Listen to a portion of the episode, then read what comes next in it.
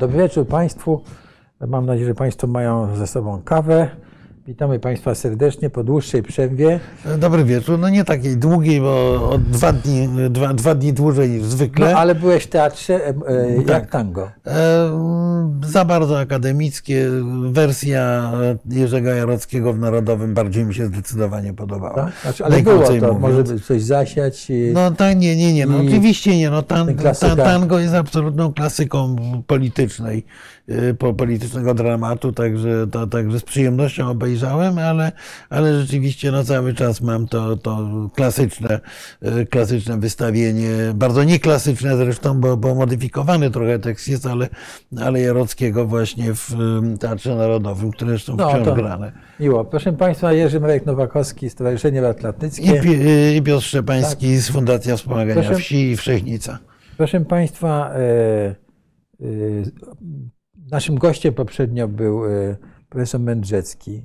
Rozmawialiśmy o, o II Rzeczpospolitej i o, o tym, czy, e, jak II Rzeczpospolita, jej historia może być lekcją dla dzisiejszej Polski. Tam pro- profesor Mędrze- Mędrzecki wymienił trzy punkty takie, nie wiem, czy Państwo je wyłowili w tej dyskusji. Było bardzo, bardzo ciekawie.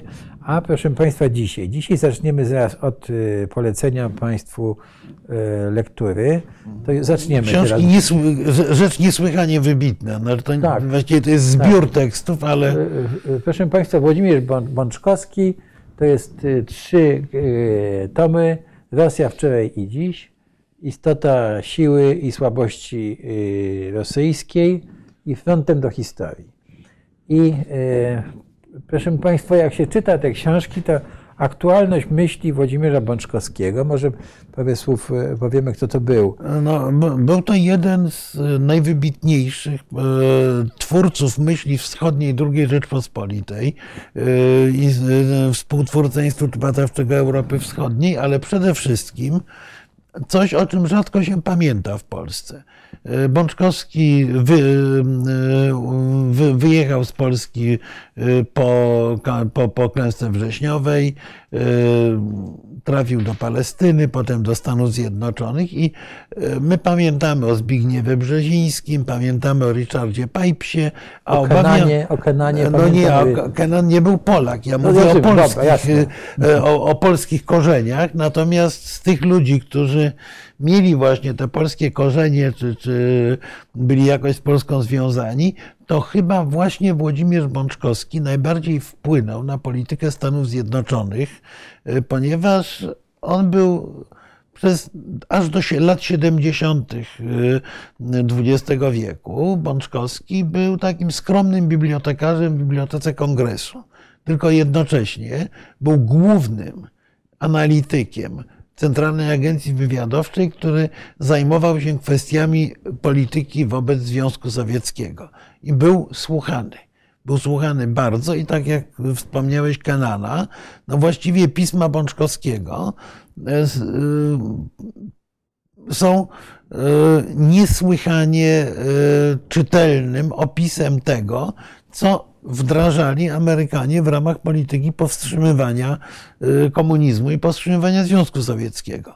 Więc e, warto również o tym pamiętać. Warto pamiętać o Bączkowskim e, z jego w ogóle niesamowitą biografią, za- zaczynającą się w, Habri, Harbinie, podróżami, jego bardzo dużym wpływem na myśl polityczną okresu międzywojennego, a kończąc na tym, że właśnie e, ten e, polski analityk, polski uczony e, był jednym z twórców polityki amerykańskiej, która w koniec końców przyniosła, przyniosła sukces w, postaci, w postaci zwycięstwa Zachodu w zimnej wojnie. Tak, książki, te trzy pozycje wydało, wydało Centrum Dialogu imienia Juliusza Mi- Miroszewskiego i Ośrodek Myśli Politycznej, a opracował i wstępem i przypisami opeczę Wojciech Konończuk, czyli dyrektor, dyrektor Ośrodka Ośrodka Studiów Wschodnich.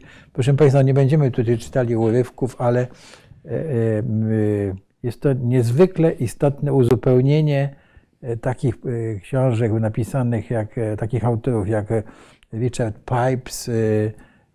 Po prostu nie, da się chyba Jan Kucharze, Kucharzewski, No, tak? no, no, tak, tak, no, e, no, po Kucharzewski był ojcem właśnie Ojcem, tak. te, tego, tego Tak, kierunku od- myślowego, od- od ale białego i Bocheński, tak, ale- y, i Adolf Bocheński w okresie międzywojennym y, i w jakiejś mierze Stanisław Świaniewicz również, Tak. y, czy cały ośrodek wileński.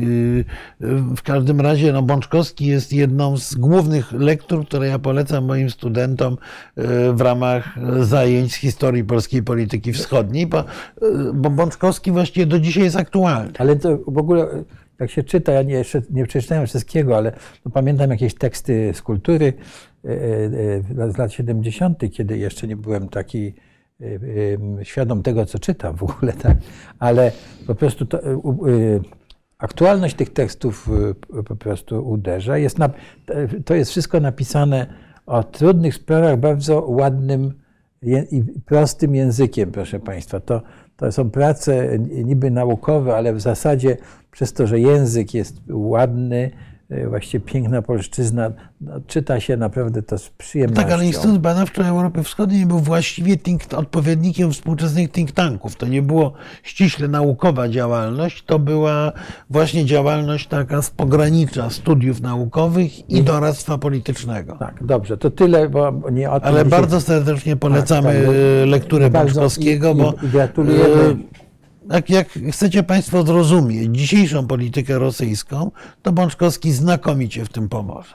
Także gratulujemy w ogóle e, panu Konończykowi i, i tym dwóm ośrodkom, że wyda- wydali te książki. Powinny być na każdej półce w wielu bi- bibliotekach. Przez to właśnie, że są proste i, i w zasadzie dla, nawet dla słabiej wyrobionych politycznie czytelników niezwykle ciekawe. Tak. Dobrze, proszę Państwa, dzisiaj e, mieliśmy mówić o tym, e, jakie będą wojny na Ukrainie i Panie Krzysztofie, to prosimy ten filmik, dobrze? Um, President Biden, uh, President Zelensky, and most of the leaders of Europe have said uh, that this war is likely to end uh, in a negotiation. And, and from a military standpoint, this is a very, very difficult fight. Uh, this fight uh, stretches uh, all the way from right now, so the front line goes from all the way from Kharkiv down to Kyrgyzstan, and there's significant fighting ongoing, uh, and it's more or less a static front line right this minute, uh, with the exception of Bakhmut and Solidar, where there's significant uh, offensive action going on really from both sides. The distance that for the United States, that's about from uh, I guess Washington D.C. to Atlanta. Uh, so that is a significant amount of territory, and in that territory uh, are still remaining a lot of Russian forces in Russian-occupied Ukraine. So from a military standpoint, I still maintain that for this year, it would be very, very difficult to militarily eject the Russian forces from all every inch of Ukrainian occupied or uh, Russian occupied Ukraine. Uh, that doesn't mean it can't happen, doesn't mean it won't happen, but it'd be very, very difficult. Um, I think that over my 43 years in uniform, uh, this is the most unified I've ever seen NATO, and I've dipped in and out of NATO over many, many years. Dobrze, dziękujemy bardzo. No Proszę tak, Państwa, e- tu mieliśmy po- pokazany punkt widzenia e, wojskowego. Tak? Wojskowe, Bo- najważniejszego, Ameryka- wojskowego amerykańskiego. I co on nam mówi? Prawda? On nam mówi. No, on, on nam mówi, że e, nasze przekonanie, że Ukraina już wygrała wojnę, jest daleko, e, jest zbyt optymistyczne jego zdaniem, że konflikt będzie konfliktem długotrwałym, że raczej e, Ukraina w tym roku nie zdoła odzyskać wszystkich okupowanych terytoriów, e, ale z drugiej strony. No, on tam mówi nawet y, bardzo twardo, no, prawda? nawet y, od- odzyskanie y, w ogóle jakichś małych fragmentów będzie, będzie bardzo trudne. E, No to prawda, ale, e, mm, ale e, no jest, jest to sprowadzenie dyskusji o tej wojnie do pewnej, do, do pewnej, do pewnego zimnego realizmu potrzebnego wojskowym. Przy czym e, no, pamiętajmy, że nie wojskowi, jednak a politycy mają największy wpływ na przebieg tego, e, na przebieg tego konfliktu. I myślę, że to, co mówił generał Miley, było jakoś jakimś elementem tego, co, e, co się zadziało w ostatnich tygodniach, co jest ważne, o czym chyba naj, najbrutalniej napisali e, autorzy czy dziennikarze Neue Zürcher Zeitung, e, puszczając przeciek, że trwały intensywne negocjacje czy intensywne rozmowy amerykańsko-rosyjskie na temat ewentualnych warunków zakończenia konfliktu w Ukrainie. I według tych przecieków, właśnie, już streszczę, bo to jest kilka różnych publikacji, nie tylko no jest Zeitung, w, w paru innych czasopismach, również, również na portalach ukraińskich już to się pojawiało, że Ukraina stoi przed niesłychanie trudnym wyzwaniem, że Rosjanie nie byli skłonni przyjąć, przyjąć propozycji, która jak do, w domyśle właściwie, ale prawie wprost piszą o tym dziennikarze. Propozycji, która zakładała powrót do sytuacji sprzed 24 lutego 2022. Czyli krótko mówiąc, Rosjanie zostają z tym kawałkiem Donbasu i Ługańszczyzny, zostają z Krymem. Yy, wszyscy wycofują się na swoje pozycje wyjściowe. Modyfikacją tej propozycji miała być propozycja, że Rosjanie otrzymują to, co na początku ogłaszali tak naprawdę tej wojny, czyli obwód ługański i obwód ługański i doniecki w całości w ich granicach administracyjnych, mhm. czyli posuwają się trochę do przodu, bo cały czas nie zdobyli całych tych dwóch okręgów, a z drugiej strony wycofują się całkowicie z obwodu zaporowskiego i hersońskiego. Pytanie, czy y, ktokolwiek pytał się Ukraińców o to, ponieważ no oczywiście y, warto pamiętać, że Ukraina na dawnej granicy, trochę, trochę dalej od tej granicy, przez 8 lat budowała solidny system fortyfikacji. A Ukraińcy musieli to oddać jednocześnie otrzymując coś, co akurat stosunkowo łatwo mogą zdobyć, czyli, e, czyli obszary e, na wybrzeżu Morza Czarnego i Morza Azowskiego, biorąc pod uwagę, że ten, to dojście do Morza Azowskiego w istocie im nic nie da, bo, bo, bo morze jest całkowicie zamknięte przez Rosjan, no to, to, to nie, nie byłby to dla Ukrainy dobry interes, powiedzmy sobie szczerze.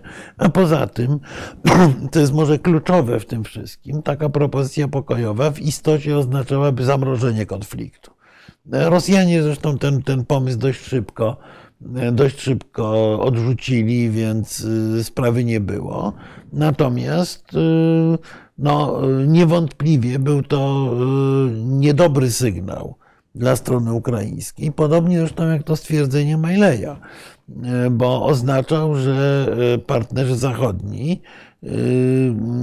trochę ich, nad ich głowami próbują negocjować jakieś rozwiązania pokojowe, co oczywiście dla Ukrainy i dla jej władz nie byłoby, nie byłoby ani przyjemne, ani do przyjęcia tak naprawdę. Wobec tego Wobec tego ten pomysł negocjacyjny chyba umarł szczęśliwie, bo zostało odrzucone przez obie strony.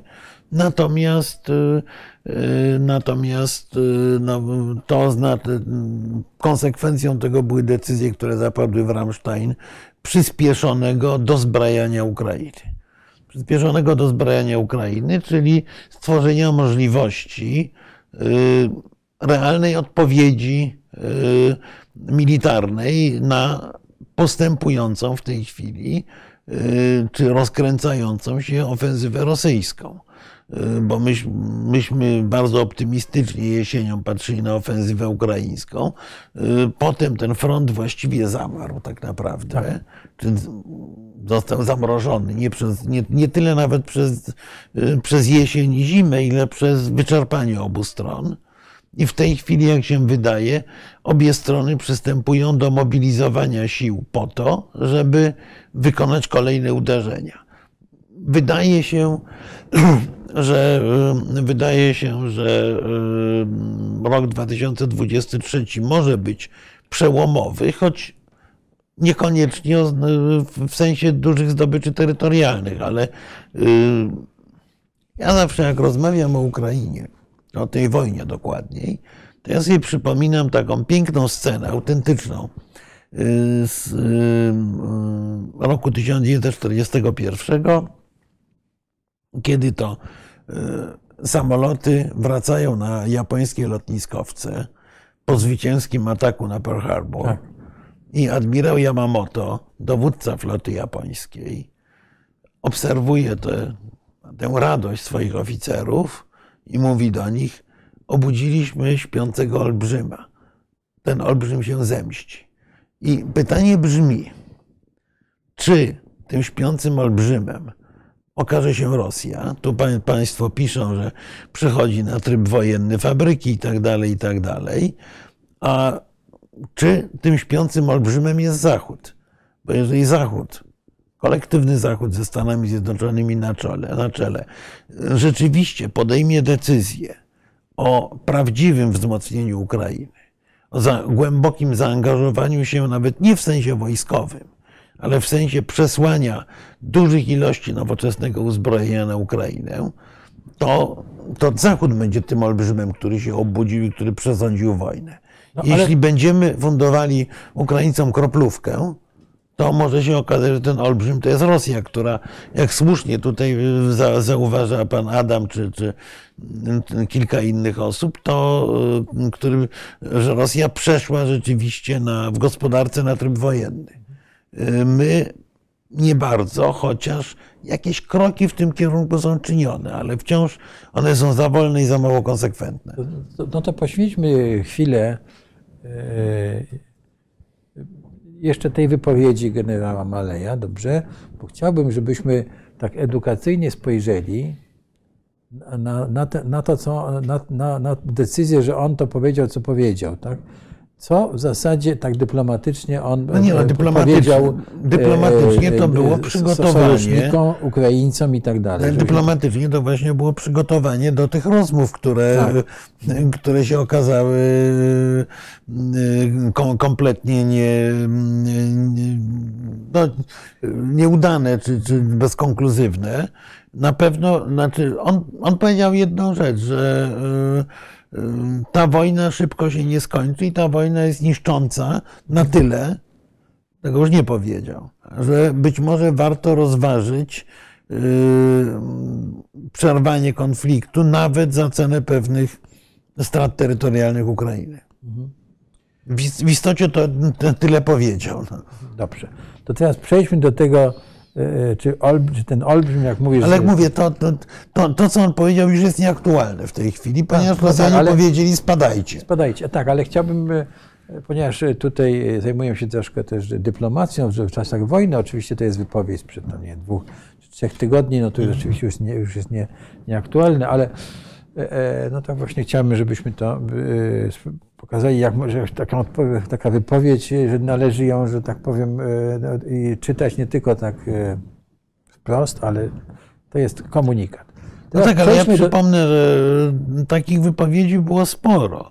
Yy, Mówiła o pewnym wyczerpywaniu się zasobów Victoria Nuland. Yy, William Barnes, który jest szefem CIA i który z czasów swojego ambasadorowania w Moskwie zachował mnóstwo kontaktów rosyjskich, również mówi o tym, że Zachód, Zachodu nie stać na tej skali konflikt bardzo długi, ponieważ dla Stanów Zjednoczonych priorytetem powinno być jednak y, odpowiedź na zagrożenie chińskie. Y, Więc y, to, to, tych wypowiedzi było dużo, tylko z kolei postawa samej Rosji była tak oczywista, że nie mamy wyjścia. Co więcej, y, jeżeli ktoś zaczyna pomału przestawiać przemysł na tory wojenne, są to Amerykanie, którzy zapowiedzieli na przykład y, mm, chyba y, albo sześcio, albo nawet dziewięciokrotne zwiększenie produkcji y, amunicji artyleryjskiej. Bo, bo na razie produkują jej śladowe ilości. Niemcy, wbrew temu, co, że na nich się u nas wiesza psy, też y, pomału zaczynają uruchamiać swój pr- przemysł wojskowy, obronny. Wobec tego ten model, ten model demokratyczny y, zawsze jest obciążony ogromną inercją. No to Churchill już Ale mówił tak. pomału to się zaczyna Dobrze, zmieniać. Marku, ale- I py... znowu pytanie o Olbrzyma. No właśnie, pytanie o ten Zachód, bo czy, yy, on jest taki jednolity w postrzeganiu tej wojny, bo ja mam, mam, mam wrażenie, że yy, my tu w Polsce i wśród naszych sąsiadów, no głównie w krajach bałtyckich, a nawet w Finlandii, bym powiedział, i Szwecji. No to w całej Skandynawii. Tak, nawet. w Skandynawii zupełnie inaczej widzimy ten e, konflikt. Znaczy, my jesteśmy już w tym konflikcie. Uważamy, że on jest po prostu, nam zagraża bezpośrednio, jesteś, prawda? A, a dla części Zachodu, w tym, nie wiem, dla Niemiec, no Francji, Hiszpanii, no już nawet to jest jakaś ze- zewnętrzna wojna, że oni ciągle, prawda, Znaczy, Czy- znowu i tak, i nie. No to- no to- Teore, teoretycznie tak. Mam wrażenie, że dla e, klasy politycznej francuskiej i niemieckiej ten konflikt już nie jest tak całkiem zewnętrzny, tylko oni, e, oni są uwikłani również w takie klasyczne dla polityków, ja muszę powiedzieć, że z pewnym e, zbrzydzeniem na to patrzę, ale, No ale e, ale takim myśleniem w kategorii sondaży i najbliższych wyborów. No tak. Czyli Scholz Scholz patrzy na swój elektorat Tak. i lawiruje, płacąc za to lawirowanie cenę y, w istocie utraty y, niemieckiego Niemiec, tak. przywództwa w Europie, co wszystkich denerwuje, zresztą łącznie z Ukraińcami. Y, A y, również Francuzi mają całe mnóstwo innych problemów. Wobec tego oni zapowiadają zwiększenie, też zwiększenie produkcji przemysłu obronnego, ale, ale dzieje się to za wolno. Wobec tego to nie, to klasa polityczna to mniej więcej rozumie, natomiast niekoniecznie obywatele. Poza tym jest druga rzecz. My w Polsce, mm, jest, mam wrażenie, nie doceniamy tego, jak bardzo, jak bardzo mocne są obawy przed eskalacją tego konfliktu. U nas się niewiele mówi o perspektywie III wojny światowej. Na Zachodzie mówi się o tym nieustannie. Yy, Nieustannie mówi się o zagrożeniu yy, ze strony rosyjskiej broni masowego rażenia, ze strony yy, rosyjskiej wojny propagandowej. U nas tego, to, to w ogóle nie jest temat do, do, do, do debaty publicznej. U nas się o tym praktycznie nie mówi. U nas się toczy cały czas dyskusja, czy my będziemy tworzyli federację z Ukrainą, czy nie, przyjmując właściwie za oczywistość znaczące zwycięstwo Ukrainy. Tak. Natomiast ja bym powiedział, że rzecz może najistotniejsza, która się dokonała na Zachodzie, właśnie w ciągu tych ostatnich kilku tygodni, to jest przesunięcie akcentu. I to, to wyraźnie widać. Przesunięcie akcentu wewnątrz, wewnątrz właśnie tych grup decyzyjnych z, yy, ze stwierdzenia nie pozwolimy Ukrainie przegrać, na stwierdzenie Ukraina musi wygrać. To, to, to jest. Wi- Widzisz to przesunięcie? Tak. Tak, tak, zdecydowanie. Zdecydowanie. Nawet, na, nawet u Scholza to widać w jego, w jego wypowiedziach. To się też pojawia. ym, Do tej pory tego nie było. Bardzo mocno zaznaczyli to Francuzi. Tak, to Francuzi. Y, W istocie również y, to, co stało się w Ramstein, szczególnie ta symboliczna decyzja o tych 31 Abramsach, to jest również dowód, że y, przynajmniej Biały Dom i okolice podjął decyzję, idziemy na ostro.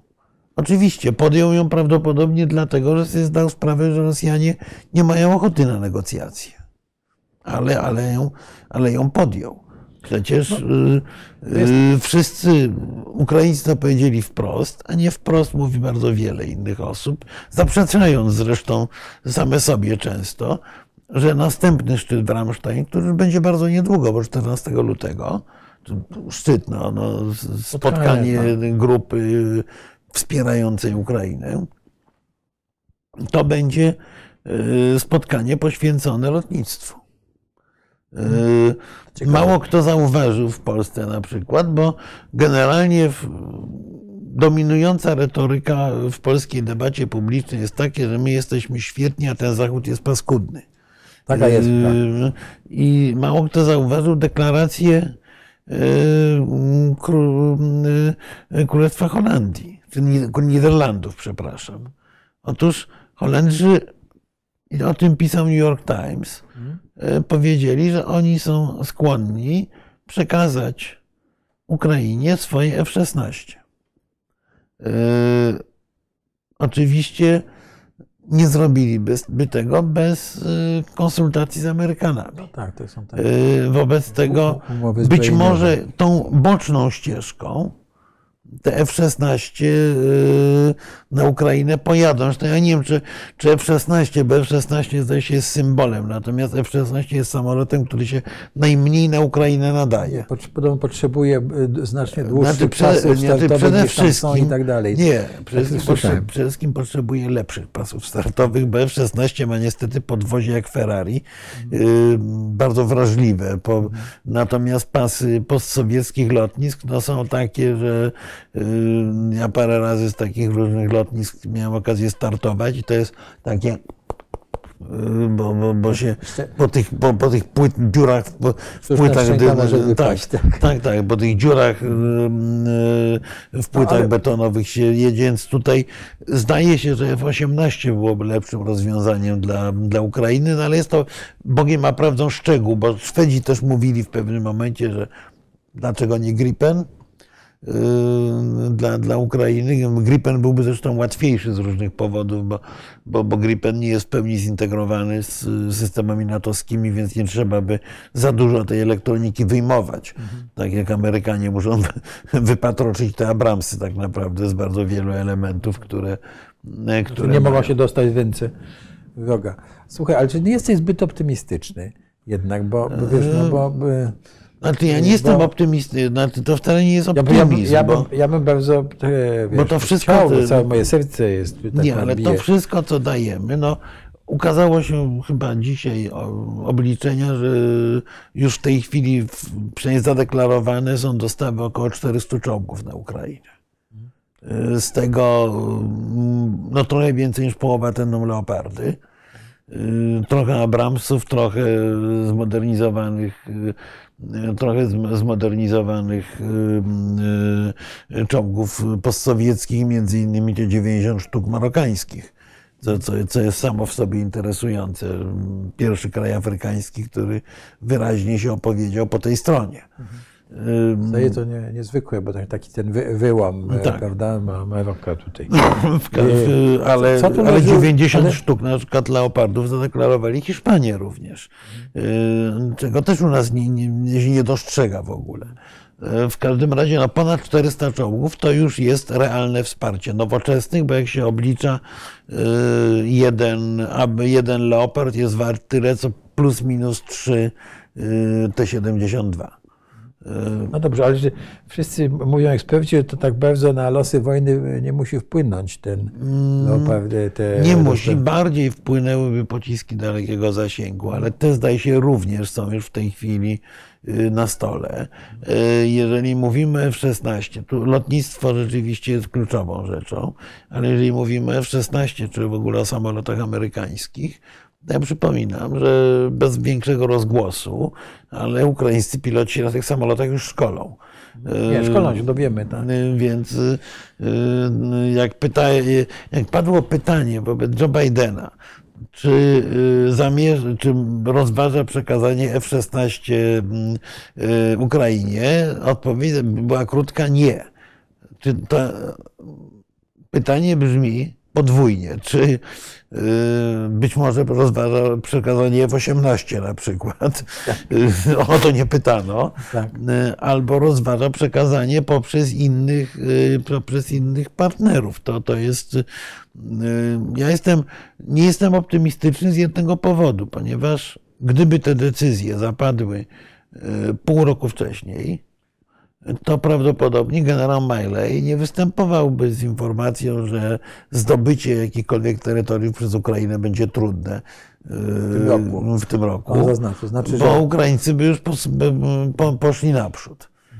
I tu znowu wracamy do polityki, wracamy do, tej, do, do, do, do tego strachu, którego w Polsce nie ma. I pytanie brzmi, czy, czy tego pytania nie, czy tego problemu nie ma, dlatego że jesteśmy niemądrzy, czy dlatego, że mamy inną perspektywę. Myślę, że trochę z obu powodów, ale, ale ten problem, który jest w oczach Zachodu, to jest zagrożenie, że Rosjanie będą eskalowali. Bo znowu w naszej narracji takiej publicznej mamy właściwie stwierdzenie, że no prawie takie jak w propagandzie przedwojennej, że Hitler ma tekturowe czołgi. Przecież u nas się prawie mówi, że ten, ten Putin to już nic nie ma, wszystko wystrzelał, No czo, nie, czołgi z tektury, nieprawda, y, wszystko się zepsuło, wojsko pijane i tak dalej. Y, Nie, a z kolei y, nieco bardziej na zachód, myślę, że możliwości rosyjskie są doceniane, a może nawet przeceniane. No ale też pamiętajmy o tym, że ja to gdzieś czytałem, już nie pamiętam u którego z autorów yy, yy, niemieckich, że przez całe dziesięciolecia Rosja, Rosja bo, bo na Związek Sowiecki mówiono Rosja. Pewnie nikt dzisiaj tego i tak nie, tam wśród obywateli nie rozróżnia. Było postrzegane jak jakieś straszliwe zagrożenie ścisk żołądka, obawa przed, przed, tym, przed tym wrogiem, te y, demonstracje pod hasłem y, y, Better Red than Dead, prawda?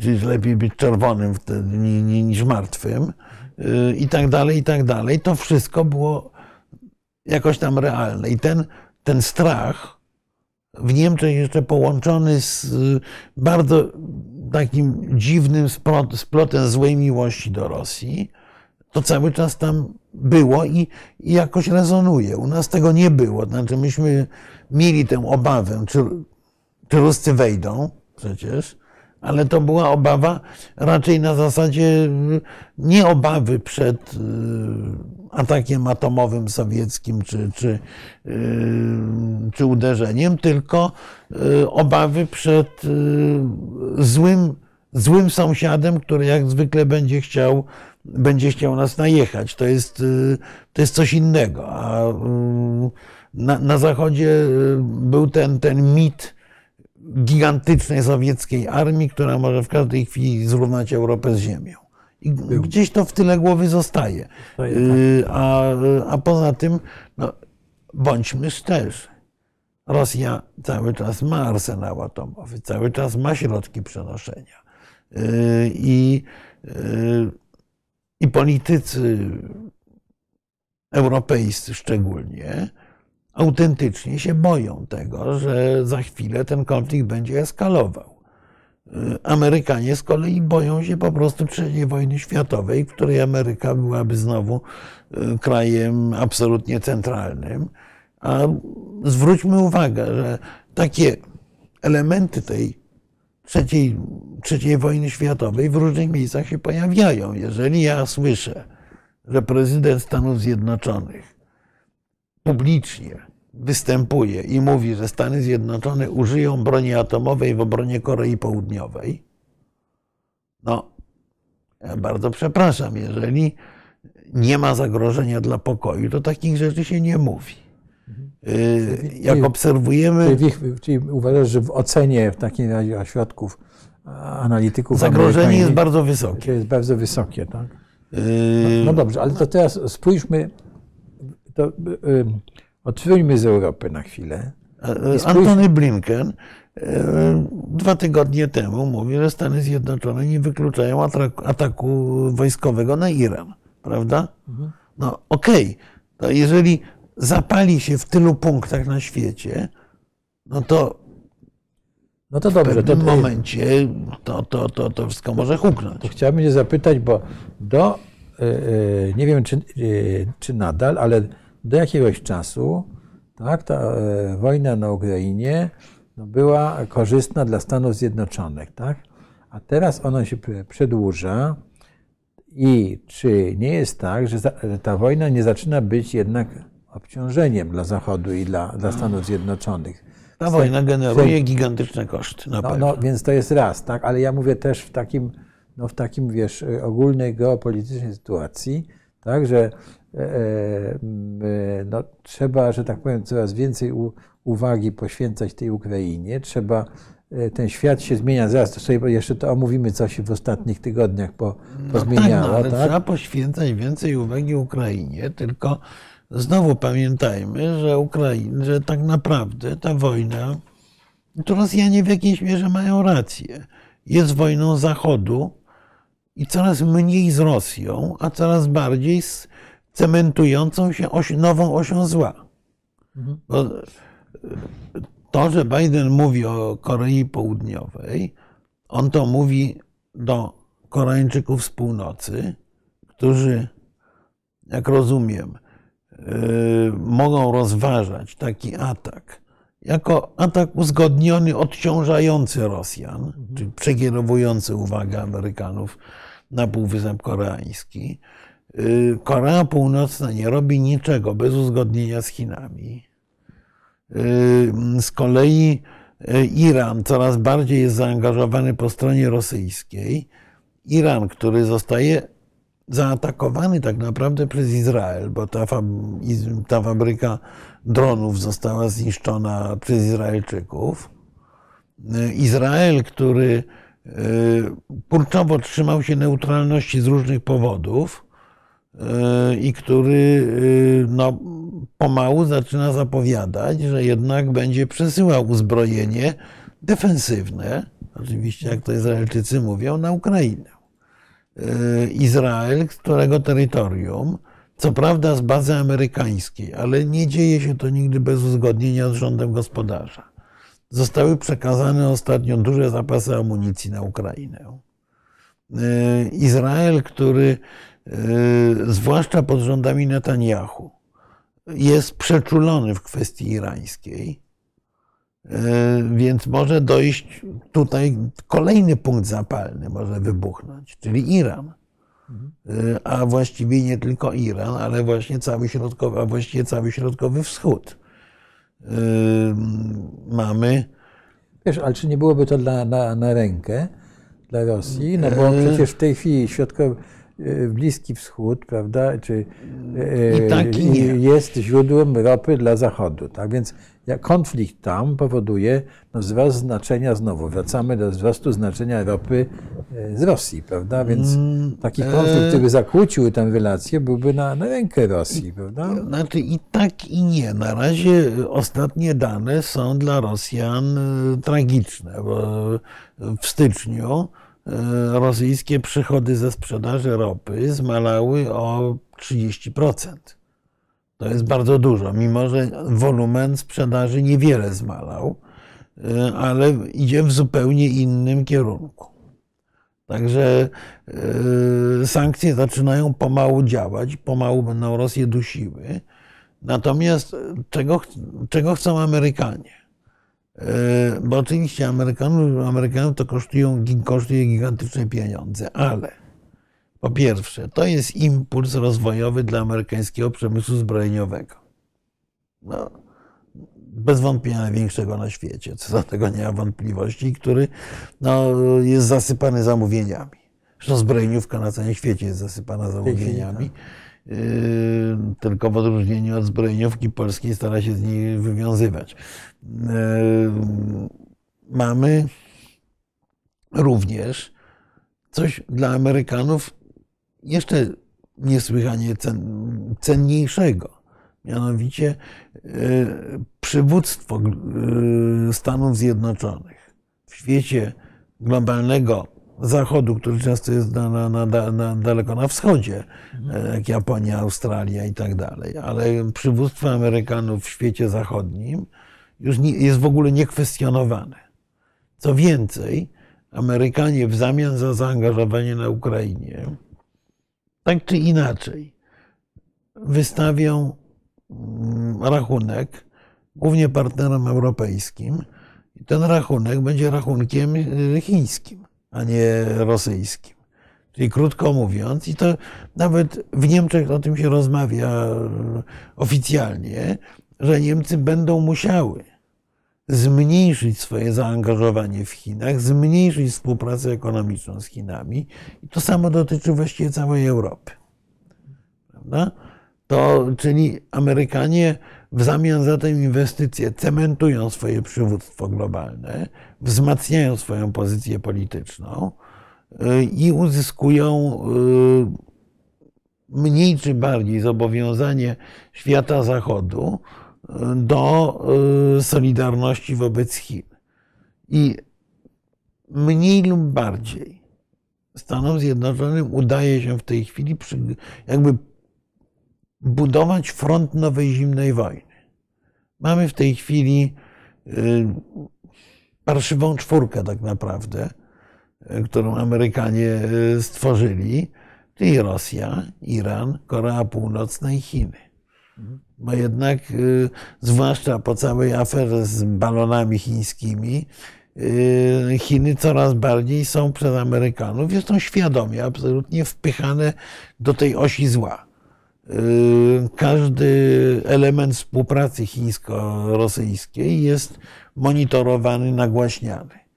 Y, to, co pojawiło się, że Chińczycy przekazują jakieś elementy elektroniki do sprzętu wojskowego y, pod pozorem ćwiczeń wojskowych i tak dalej, to wszystko, to wszystko oczywiście też u nas właściwie przemyka kompletnie poza uwagą społeczną, a, y, a jest y, tematem niesłychanie głośno dyskutowanym w y, świecie zachodnim. Zresztą no, wystarczy spojrzeć na internetowe wydanie Foreign Affairs, jak często, to, jak często ten temat wraca.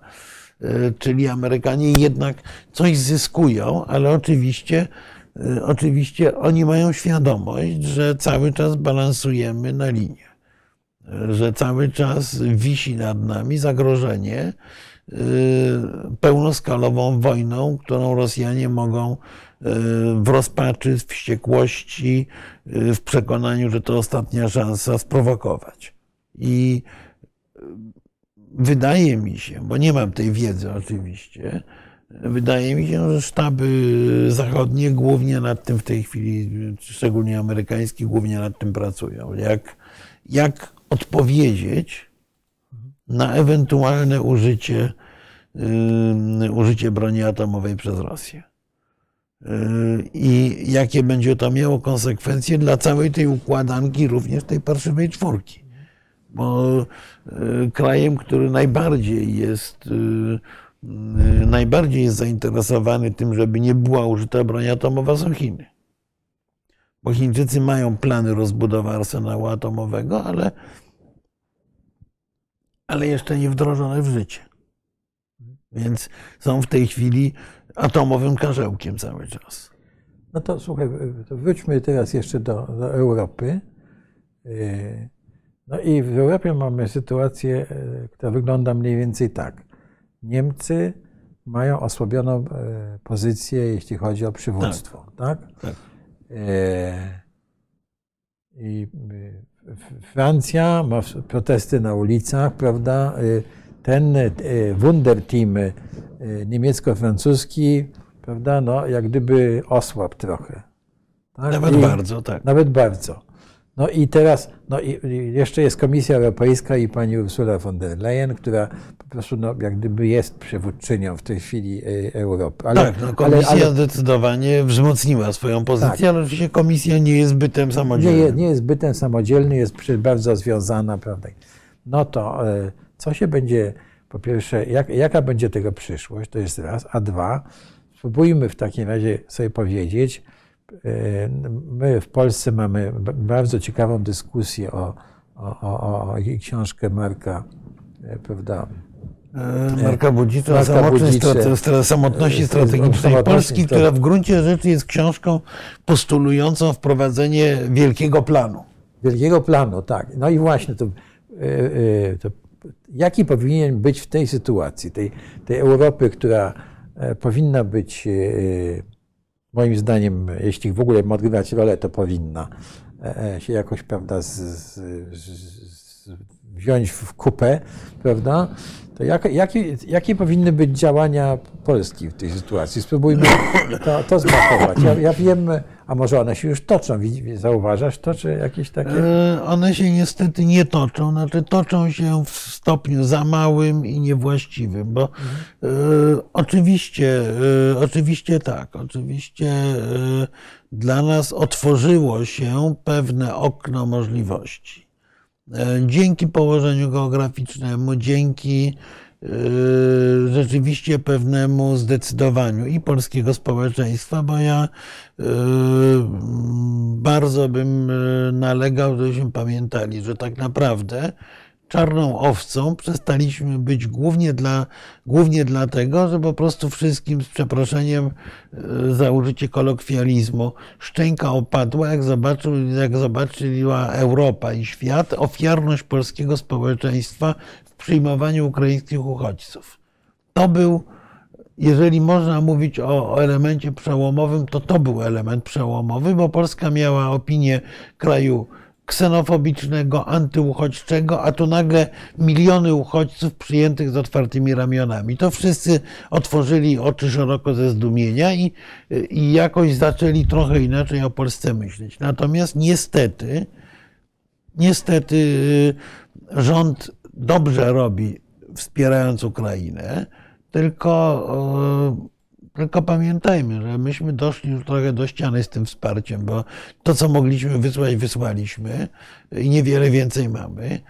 Y, Wobec tego nagle Polska z tej pozy- pozycji numer dwa już w tej chwili się obsunęła na pozycję numer 4-5, jeśli chodzi o 4, jeśli chodzi o dostawy sprzętu dla Ukrainy.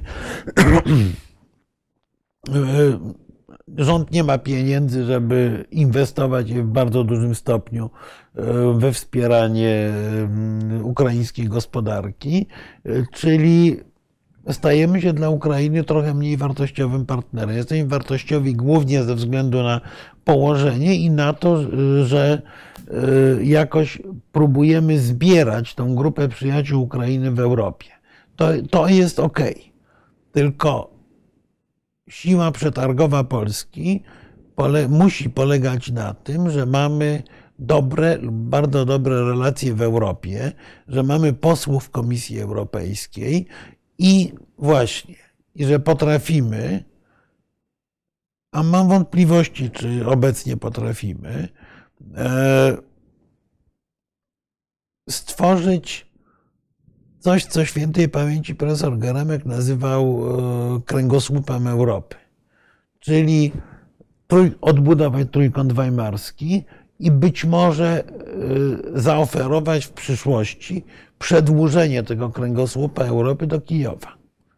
Bo żeby wciągnąć naszym interesem bezdyskusyjnym jest wciągnięcie Ukrainy do Unii Europejskiej żeby wciągnąć Ukrainę do Unii Europejskiej, musimy mieć po swojej stronie Francuzów.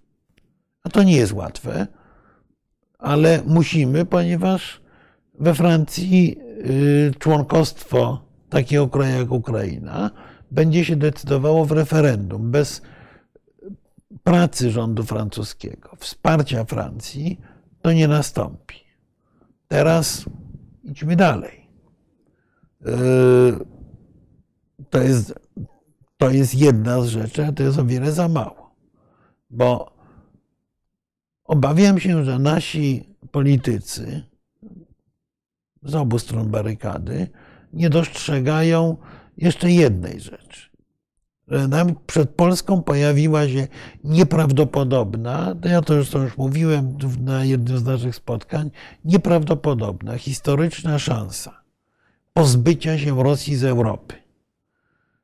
Doprowadzenia do sytuacji, w której Rosja zostanie wyłączona z rodziny krajów europejskich. To jest strategiczny interes Polski, bo od momentu, kiedy Rosja weszła do rodziny europejskiej, Polska zaczęła upadać i nigdy nie odzyskała tego znaczenia, które miała wcześniej. Z punktu widzenia historii to by było zdarzenie no, absolutnie przełomowe dla, e, dla znaczenia Polski e, w Europie i w świecie. Ale żeby to nastąpiło, to my musimy przekonać Zachód Europy o tym, że takie pozbycie się Rosji z Europy będzie dla całej Europy korzystne. Wobec tego, żeby przekonać, to nie polega na tym, żeby walić pięścią w stół czy butem w stół jak Chruszczow, tylko prowadzić inteligentną pracę z obywatelami tych krajów, y, prezentować, y, ja wiem, jak to nazwać, toksyczną rolę Rosji w Europie w różnych wymiarach.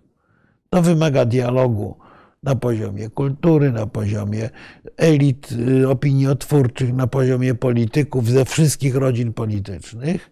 Wobec tego y, stoi to w głębokiej sprzeczności z polityką prowadzoną dla celów wyborczych. I obawiam się, że możemy tej nieprawdopodobnej historycznej szansy nie wykorzystać. W jakimś sensie również powinniśmy tu wejść w dialog z Amerykanami, ale to już jest nieco, nie, nieco inna historia. Natomiast rozmowa o historii, kulturze, y, prezentacja wystaw, prezentacja filmów, prezentacja archiwów, opowieść o mm, Rosji jako toksycznym, y, chorym człowieku Europy, to powinno z Polski, ale nie tylko z Polski, bo i ze Szwecji, i z Finlandii, i z Czech płynąć na zachód, w miarę zorkiestrowane, w miarę dogadane tego typu myślenia w ogóle nie widzę. I to jest, y, myślę, że tę szansę możemy przegapić, ale ta szansa jest tylko szansą, ponieważ tu padło w pewnym momencie pytanie o Białoruś. E, zwracam uwagę na, na coś, na co pewnie Państwo w niewielkim stopniu zwrócili uwagę, bo relacje telewizyjne były bardziej niż skąpe E, na rocznicę Powstania Styczniowego. Otóż jednym z gości na tej rocznicy Powstania Styczniowego była liderka e, białoruskich sił demokratycznych Swietłana Tichanowska. Ale Tichanowska nie miała swojej flagi e, w porcie flagowym i nie przemawiała na, na tych uroczystościach, ponieważ zaprotestowali nasi partnerzy z Ukrainy. Ponieważ relacje e, ekipy Zełenskiego czy rządu ukraińskiego z, ze środowiskiem białoruskiej opozycji demokratycznej są gorzej niż złe. Pytanie, na które nie mam dobrej odpowiedzi, jest takie, czy Ukraińcy starają się mimo wszystko utrzymać jakąś relację z Łukaszenką, żeby nie dopuścić do, do tego, żeby Białoruś włączyła się do wojny. Jest to bardzo możliwe. Czy też Ukraińcy y, myślą o tym, żeby stworzyć własny rząd białoruski y, na bazie pułku Kastusia Kalinowskiego, co się pojawiało w niektórych wypowiedziach białoruskich, a ukraińskich, a zwracam uwagę, że bardzo niedawno Kijów odwiedził, był dobrze przyjmowany i spotykał się z tym właśnie żołnierzami czy oficerami tego pułku, nestor białoruskiej opozycji z Janon Paźniak, który ma dość krytyczny stosunek właśnie do Ciechanowskiej. Czyli Ukraina pomimo skoncentrowania się na wojnie, jakoś potrafi grać sprawą białoruską. Tymczasem my, jak się wydaje, w ogóle z tej sprawy białoruskiej abdykowaliśmy, bo no, bądźmy szczerzy, no, i po, myśmy byli gospodarzami uroczystości. I e, nie jestem pewien, czy tak daleko idące otwarcie na e, na żądania strony białoruskiej było pomysłem dobrym, ale, ale nie, będę krytyk ukraińskiej, tak, nie było, było pomysłem dobrym, E, Ale nie będę tego oceniał, bo, bo, bo, bo nie znam jakby całości, całego kontekstu No, ja, sprawy. ja bym się skłaniał do tego, że jednak ostrożność y, Ukraińców jest tak daleko posunięta, żeby broń Boże, wiesz, nie dawać żadnego pretekstu Łukaszence, nawet y, takiego, wiesz, y, propagandowego, że, wiesz, że po prostu trzymać ich jak, jak, na ile się da, tak długo jak się da, prawda, trzymać Łukaszenkę z dala od wojny. Tak? No, To jest, to jest niezwykle e, Miejmy ważne. nadzieję, że tak jest, ale z drugiej strony no to, e, to z kolei osłabia politycznie e, białoruską, e, białoruskie środowisko demokratyczne e, i oddala perspektywę e, Białorusi, która mogłaby się w pełni włączyć do świata zachodniego. E, W każdym razie, bo mówimy o polityce polskiej, więc po pierwsze, e, uruchomienie mechanizmu trójkąta weimarskiego jako jedynego narzędzia, które może pozwolić na realne wciągnięcie Ukrainy do Unii Europejskiej. A to jest na pewno w naszym interesie. tak. Po drugie, skonstruowanie czy zrekonstruowanie polskiej polityki białoruskiej, której nie ma. Po trzecie, e, odbudowa, e, odbudowa zdolności dialogu z całą Europą, czy z elitami europejskimi, gdzie jesteśmy naprawdę postrzegani przez pryzmat e, najgorszych pomysłów pana Czarnka. E, Jako kraj, który jest e, ksenofobiczny,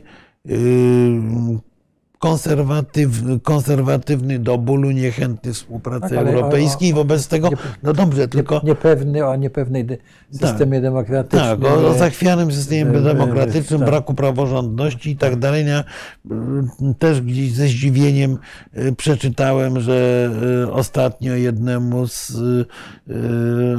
polskich obywateli po raz pierwszy od 30 lat Norwegia przyznała azyl polityczny. Y, polskiemu obywatelowi, czyli tak.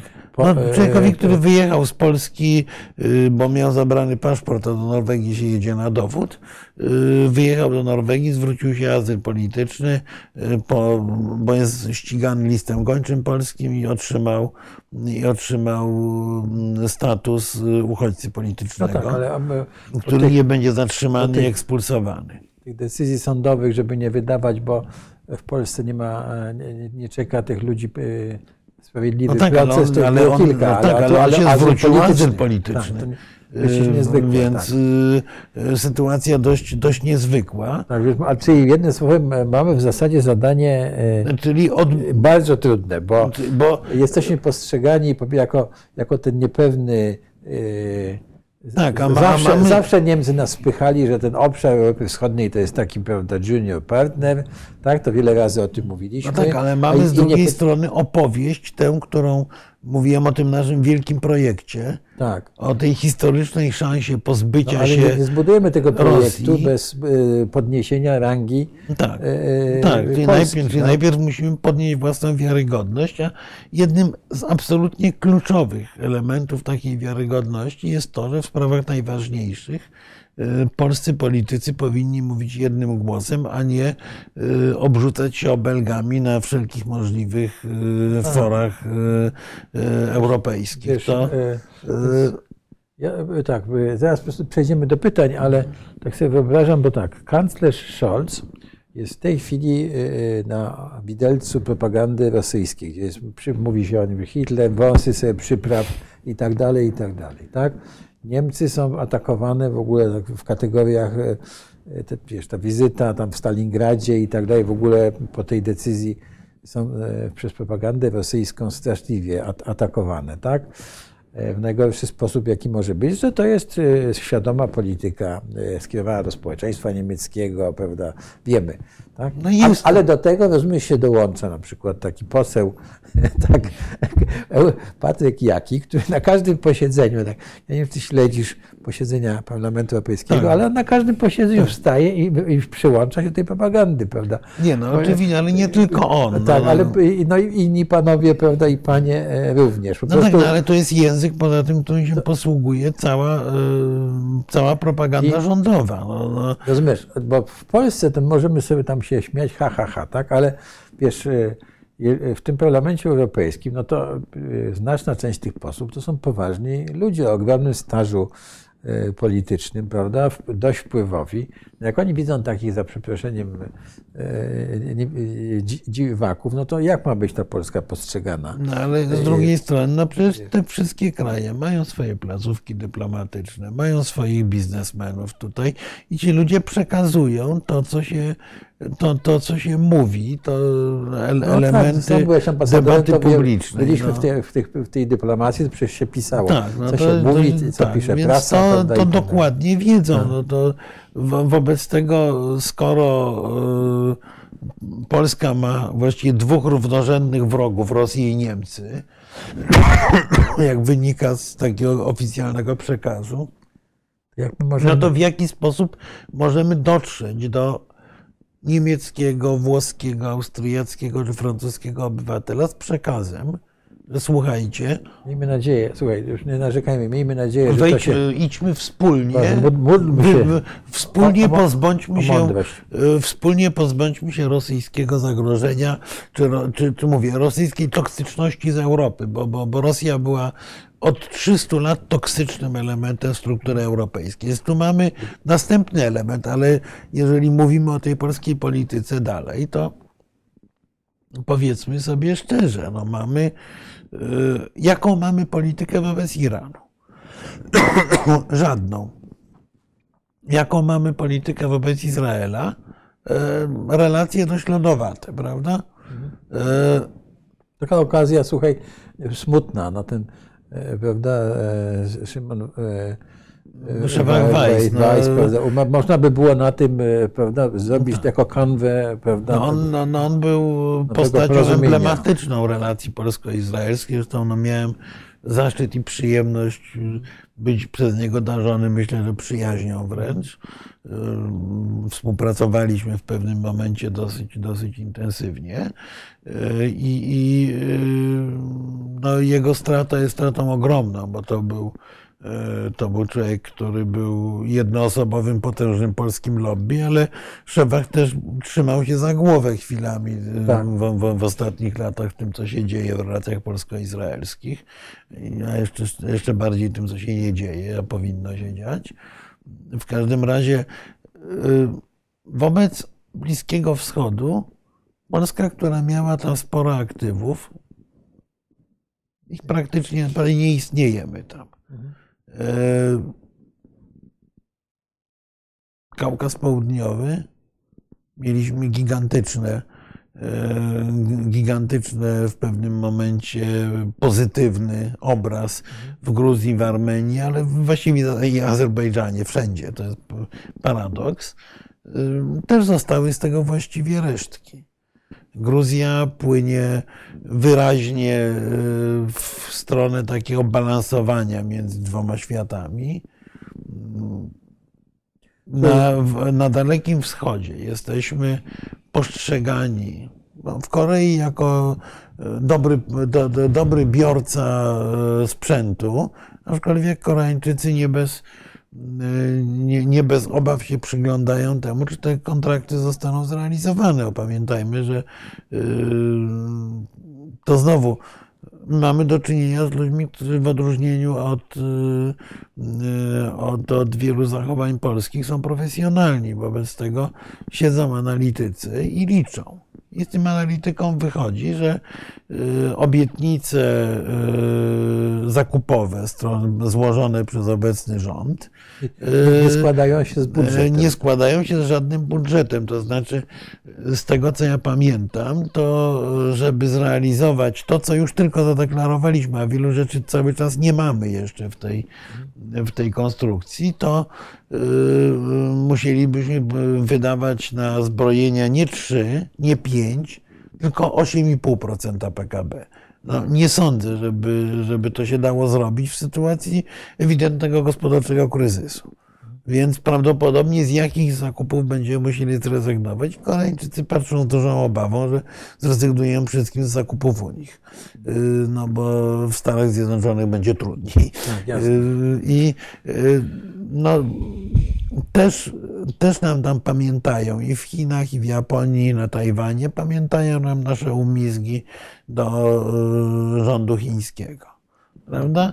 To, No ten wyjazd, wyjazd na tę olimpiadę. no ale w ogóle, no parę prezydenta, takich przymiarek y, do, do, do miało służyć. Znaczy, nie, bo to, bo to były genialne, genialne pomysły paru dyplomatów, nawet niższego szczebla pisowskich, nie, nie, nawet nie, nie, nie szczebla ministerialno-prezydenckiego, tylko niższego. To były genialne pomysły, że my tutaj, prawda, y, zagramy z Chińczykami, to zmusi Amerykanów, żeby nam coś dali. Y, To Ojej. takie, ta, ta, takie pomysły rodem z piaskownicy y, krążyły. No, no okej, no tylko problem polega na tym, że właśnie właśnie skończyły się żarty. Że mamy rok przełomu, a e, nie mam przekonania, że jesteśmy na ten rok przełomu w jakikolwiek sposób intelektualnie, politycznie przygotowani i mając kampanię wyborczą, e, nie sądzę i znowu, e, żeby być sprawiedliwym, ani po stronie rządowej, ani po stronie opozycyjnej, że kwestie wagi historycznej, przekraczającej nawet kilka pokoleń, e, że znajdą się w centrum uwagi e, decydentów politycznych, bo będą okładali się zupełnie innymi pałkami.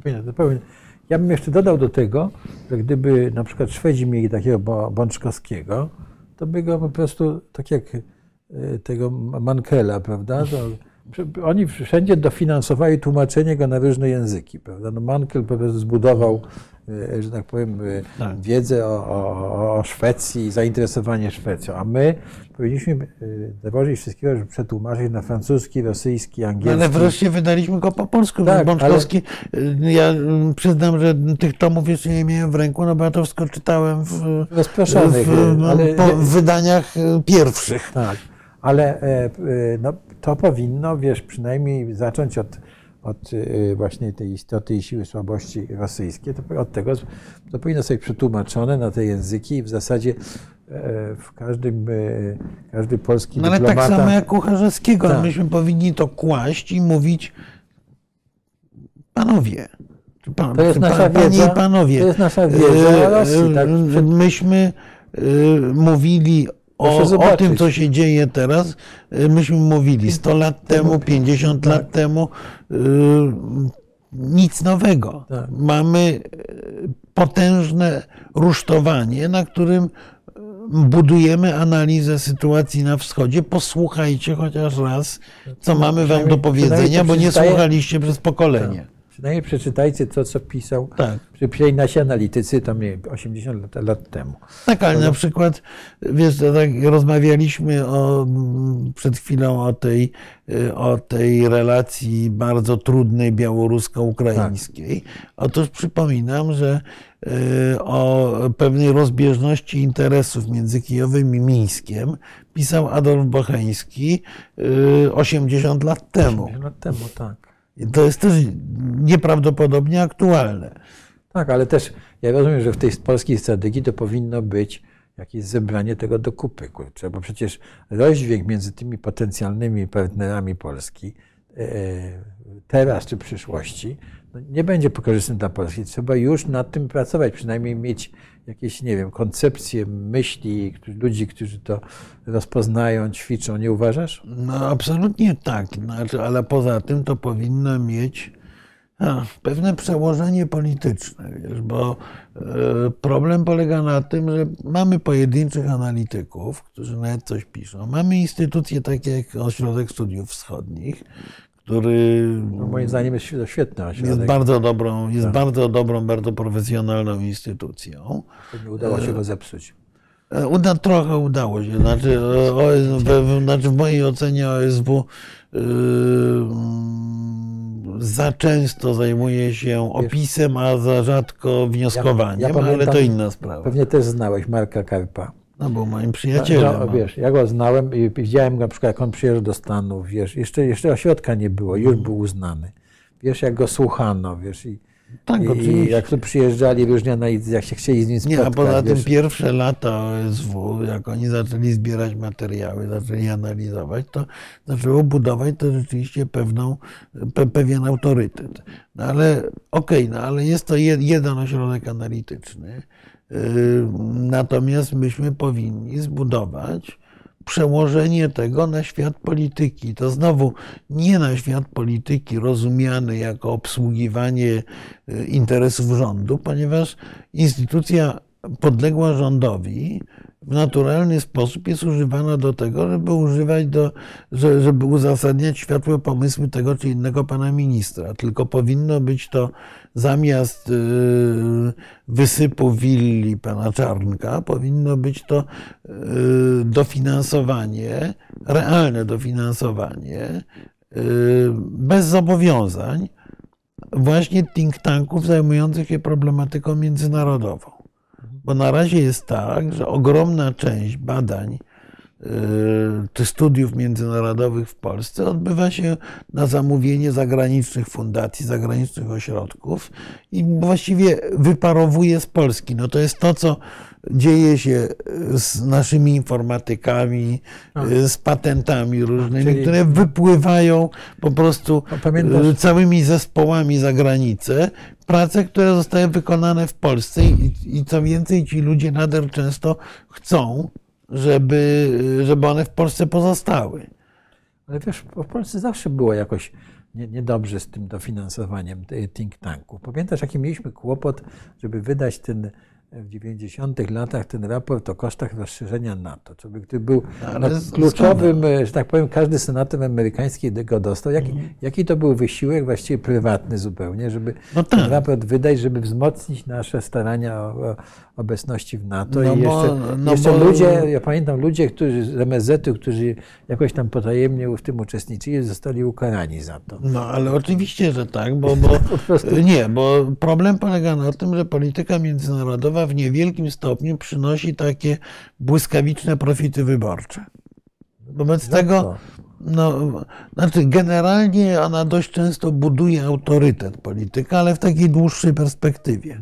Natomiast, y, y, natomiast y, no niestety ta polityka międzynarodowa dla kraju tak położonego jak Polska, z takimi uwarunkowaniami historycznymi i geopolitycznymi jak Polska jest absolutnie kluczową rzeczą. I, a z kolei tej polityce dramatycznie brakuje wsadu intelektualnego. To mówią wszyscy, to mówią y, zwolennicy PiS, y, ci inteligentniejsi i mówią y, zwolennicy opozycji, że nie ma, że myśmy nie przemyśleli właśnie tego naszego wielkiego planu. Że w momencie, kiedy Polska weszła do Unii i do NATO, no w tym momencie myśmy sobie usiedli i powiedzieli, no byczo jest. Mamy spokój, a teraz to no idziemy będzie- wypoczywać. Tak, tak, będziemy wypoczywać. No tutaj jest e, w tej dziedzinie, jaką chyba można nazwać dyplomacją publiczną, to zachowanie Polaków, jeśli chodzi o tę Ukrainę, rzeczywiście to było coś No nie, no ale, niezwy, niezwykłego. no ale i- to pokazuje, jakie to ma znaczenie. Naprawdę, tak.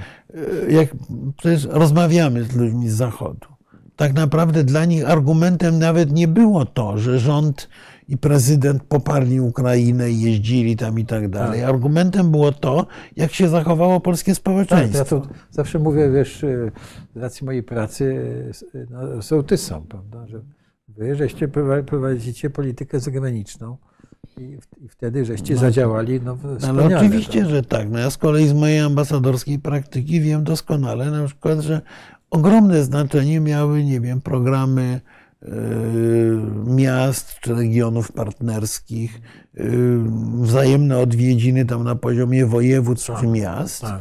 To budowało tę tkankę, na której się mo, mo, można, y, na której można było oprzeć realną politykę. Y, To jest, a to jest zupełnie niedoceniane niestety. Tak, więc my byśmy Państwa zachęcali do tego, żeby brać udział w y, tym Zdecydowanie. zdecydowanie, prawda, nie wiem, Tak. nawiązywać. Jeśli Państwo macie jakieś swoje instytucje, to spróbować nawiązywać e, kontakty, nie oglądać się na nic. Dobrze, to przejdźmy teraz do pytań, co? Okej. Dobra? Bo to jedźmy od Tak, bo, bo byliśmy y, niegrzeczni i odnosiliśmy się do tego w, trakcie debaty. Tak, tak, ale E, tak patrzę o tym, co, co e, pani Katarzyna Zielińska napisała, że wojna nie wyjdzie Rosji na zdrowie. E, mm, Ty jesteś znanym fanem pani Katarzyny, więc ci zabiorę trochę e, Proszę tej, e, Jestem te, te, tak. tej przyjemności, ale e, mm, ja myślę, że w ogóle tak się zastanawiam, czy e, Władimir Putin przypadkiem e, nie, e, nie jest rzeczywiście takim antymidasem. Bo sam od niego słyszałem, że, że on chciałby być następcą Piotra I. Kimś, kto kontynuuje politykę Piotra I. Tymczasem rzeczywiście Putin doprowadził do sytuacji, w której jest o krok od zaprzepaszczenia całego dziedzictwa Piotra I. Już go częściowo zaprzepaścił, bo e, Czyli przecież Rosja. Przypomnijmy sobie, prawda, że Piotr I to był ten, w zasadzie wprowadził tą Rosję e, No do, właśnie, do no Europy. tak, wprowadził ją do Europy, tak. Wygrał bitwę pod Połtawą, no, ale nie tylko, bo zacznijmy od czegoś takiego. Głównym celem rosyjskiej polityki, od Iwana Groźnego tak naprawdę, zrealizowanym przez Piotra I, było wybicie okna na Bałtyk, było wyjście na, na Morze Bałtyckie. Otóż po, po tym, jak Szwecja i Finlandia weszły do NATO, to Rosja de facto została z Bałtyku wypchnięta ponownie. Tak. W sensie militarnym Bałtyk dla Rosji nie istnieje. Nie ma możliwości użycia militarnego Morza Bałtyckiego. Yy, W sensie handlowym w dużym stopniu też. Ale nie, nie, nie sądzisz, że Rosjanie mogą w tej sytuacji powiedzieć sprawdzam i powiedzmy e, wjadą, prawda, na, e, przejadą przez Estonię. Tak, i- To, takie zagrożenie istnieje, ale to jest właśnie to, ta, ta eskalacja, której się obawiają na Zachodzie. W każdym razie e, okno na Bałtyk zamknięte. E, Rosja jest na pograniczu pełnego wykluczenia z rodziny europejskiej. E, Cały proces modernizacji, bo przecież myśl Piotra I to było zachowanie samodzierżawia z jednoczesną modernizacją ekonomiczno-kulturową. Otóż ta modernizacja też została całkowicie zakwestionowana. Przecież główną narracją w Rosji jest tak, to jest to, że odwracamy się od Zachodu. Ten Zachód jest zły, idee z Zachodu płynące są złe. To jest gejropa. Nie chcemy ich. Czyli Rosja zwraca się w kierunku gdzieś tej Mongolii, która była w średniowieczu przekleństwem y, rosyjskiej kultury i cywilizacji. Czy sama wszystko- Mongolia wcale nie chce. No nie, nie, no to współczesna Mongolia, a Mongolia Dżingis-Hana to zupełnie oczywiście inne Mongolie. Natomiast, natomiast y, y, no, jest to zwrot w kierunku Azji generalnie, który dla Rosji no, nigdy nie był, nigdy nie był specjalnie, specjalnie dobry. Czyli krótko mówiąc, główne osiągnięcia Piotra I zostały zanegowane albo wręcz stracone. Tak. Y, I w tym sensie tak. Y, Natomiast y, czy, czy to Rosję złamie? Zobaczymy. No, na, pewno, na pewno z tej wojny Rosja wyjdzie w innym miejscu i inna. Oby, y, oby jak najdalej od nas. Tak, a, ale my też y, no Rosja nie zniknie, tak? I, i, Nie zniknie, Tak, i nie. teraz- I Rosja będzie ważnym partnerem, Tak. tylko dopiero wtedy, kiedy Rosja zostanie e, pozbawiona szans na imperium, przynajmniej starego typu, dopiero wtedy Rosja się może zdemokratyzować. Wcześniej się nie zdemokratyzuje. Więc to jest pobicie Rosji Putina jest jednocześnie przysługą oddaną społeczeństwu rosyjskiemu w długoterminowej perspektywie. Rosja ma ogromne możliwości, ale Rosja tych możliwości świadomie nie korzysta. Rosja cofnęła całkowicie na przykład prywatyzację gospodarki. Pamiętajmy, że o ile u, u, u początku rządów Putina e, mniej więcej dwie trzecie, nawet więcej niż dwie trzecie gospodarki rosyjskiej było prywatne, to w tej chwili dwie trzecie gospodarki rosyjskiej jest państwowe. No ale wiesz, my wypychamy z jednej strony, chcemy, żeby Rosja była, była wypchnięta z Europy, ale sami chyba się też wypychamy, nie? Ale nie, no my, my, się, nie, no my się stawiamy na marginesie Europy, czy my się, do, ba, bardzo, to, to, też powtarzam się, ale, Tak, ale bardzo mi jest- się podobało to, to sformułowanie Mrożka, nie Stanga akurat, ym, o tym, że y, y, my jesteśmy taką pomniejszą Europą. A, Pomniejsza Europa, dziękuję bardzo. Słuchaj, my, mamy jeszcze następny tutaj pan, pan Xboxa, człowiek. Tak, tak, tak. Xboxa. Y, Mów, pisze, że Rosja już osiągnęła to, co chciała. No, nie, ja nie, so- ja nie sądzę, tak. żeby Rosja osiągnęła Tak, to, co chciała. Nawet jak nie zdobyli ziemi, to Ukraina jest demograficznym i ekonomicznym. Znaczy Ukraina królem. rzeczywiście została zdemolowana w Zdemolowana, sposób tak. straszliwy. Natomiast y, czy to jest ostrzeżenie dla Zachodu? Nie, nie jest. No, y, mi się wydaje, że będziemy w takiej, takiej, nawet jak będzie kadłubek e, Mhm. tej Ukrainy zostanie, to my będziemy musieli zrobić wszystko, żeby właśnie e, ten kadłubek się No przekształcił. nie, no, ale umówmy się, że odbudowa Ukrainy, odbudowa Mołdawii, odbudowa Białorusi, y, to jest, będzie gigantyczny interes. To może Tak. być akurat, akurat dla, dla Zachodu, to może być koło zamachowe kolejnej fazy rozwoju. No właśnie, to jest, to jest ciekawe. Bo, bo, no, bądź, bądźmy, bądź, bądź, bądźmy cyniczni, no bo oczywiście na tej odbudowie wszyscy będą chcieli zarabiać i, i, i pewnie będą mogli zarobić. No tutaj pani Katarzyna odpowiada panu, Mhm. prawda, że Rosja straciła prestiżowy, ekonomiczny, polityczny i dla Chin straciła twarz, o czym sami weszli, a Rosjanie mówią. Wymychanie drewnianą szabelką to raczej je siara, no nie? tak, E, ale To znaczy, e, ja myślę, że Rosja nie osiągnęła tego, co chciała. Rosja Tak. chciała zagarnąć część terytoriów Ukrainy i podporządkować sobie resztę. tak, E, do granicy polskiej wszystko miało być podporządkowane. Natomiast raczej, raczej między innymi po to, żeby osiągać pewne korzyści. Nie wyłącznie, nie przede wszystkim. Rosja nie chciała Ukrainy zniszczyć. Rosja chciała Ukrainę zdobyć. tak, Natomiast y, czy nawiązali wiele sojuszy?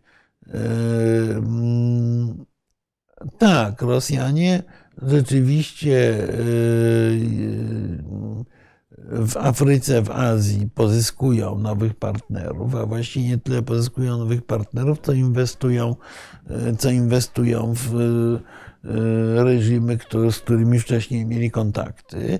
Y, na- Natomiast pamiętajmy, że wojna jest kosztowna i y, tych prezentów dla różnych afrykańskich y, niedemokratycznych kacyków będzie można coraz mniej przywozić, a to może być dla Rosjan problem. Rzeczywiście i tu, tutaj w, w jakimś sensie y, pan y, człowiek Xboxa ma rację.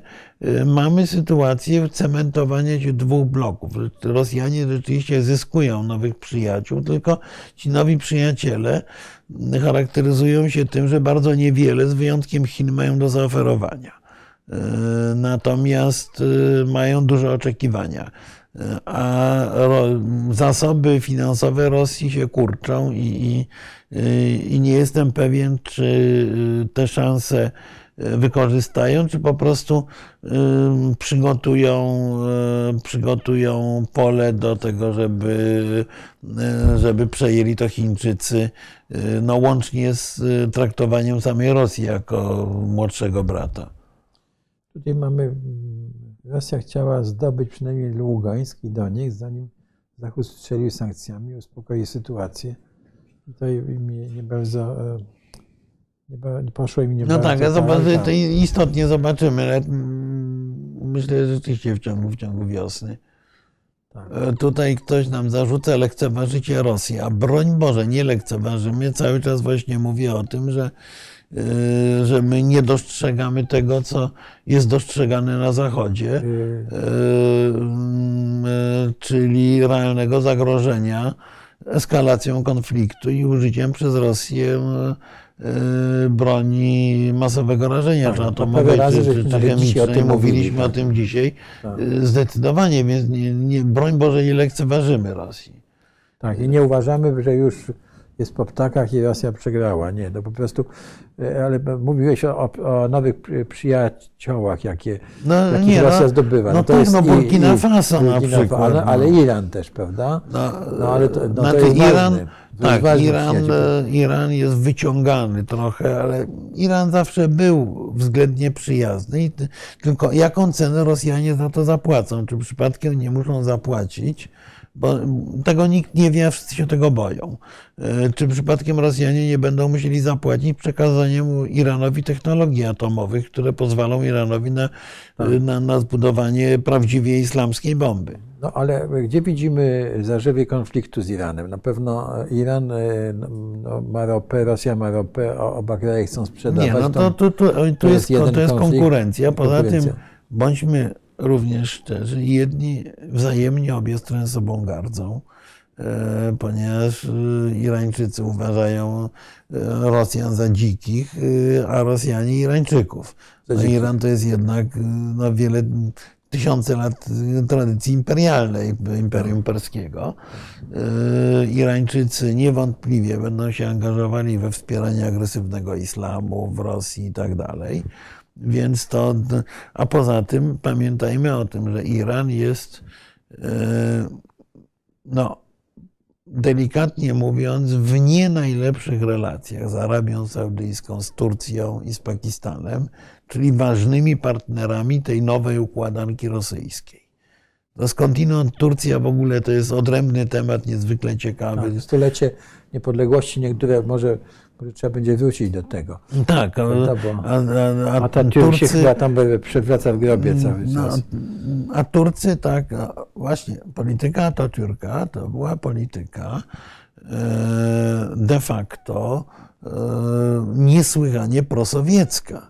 E, Ja wszystkim przypominam, że jak jest się w Ankarze, to oczywiście trudno ominąć gigantyczne mauzoleum Atatürka.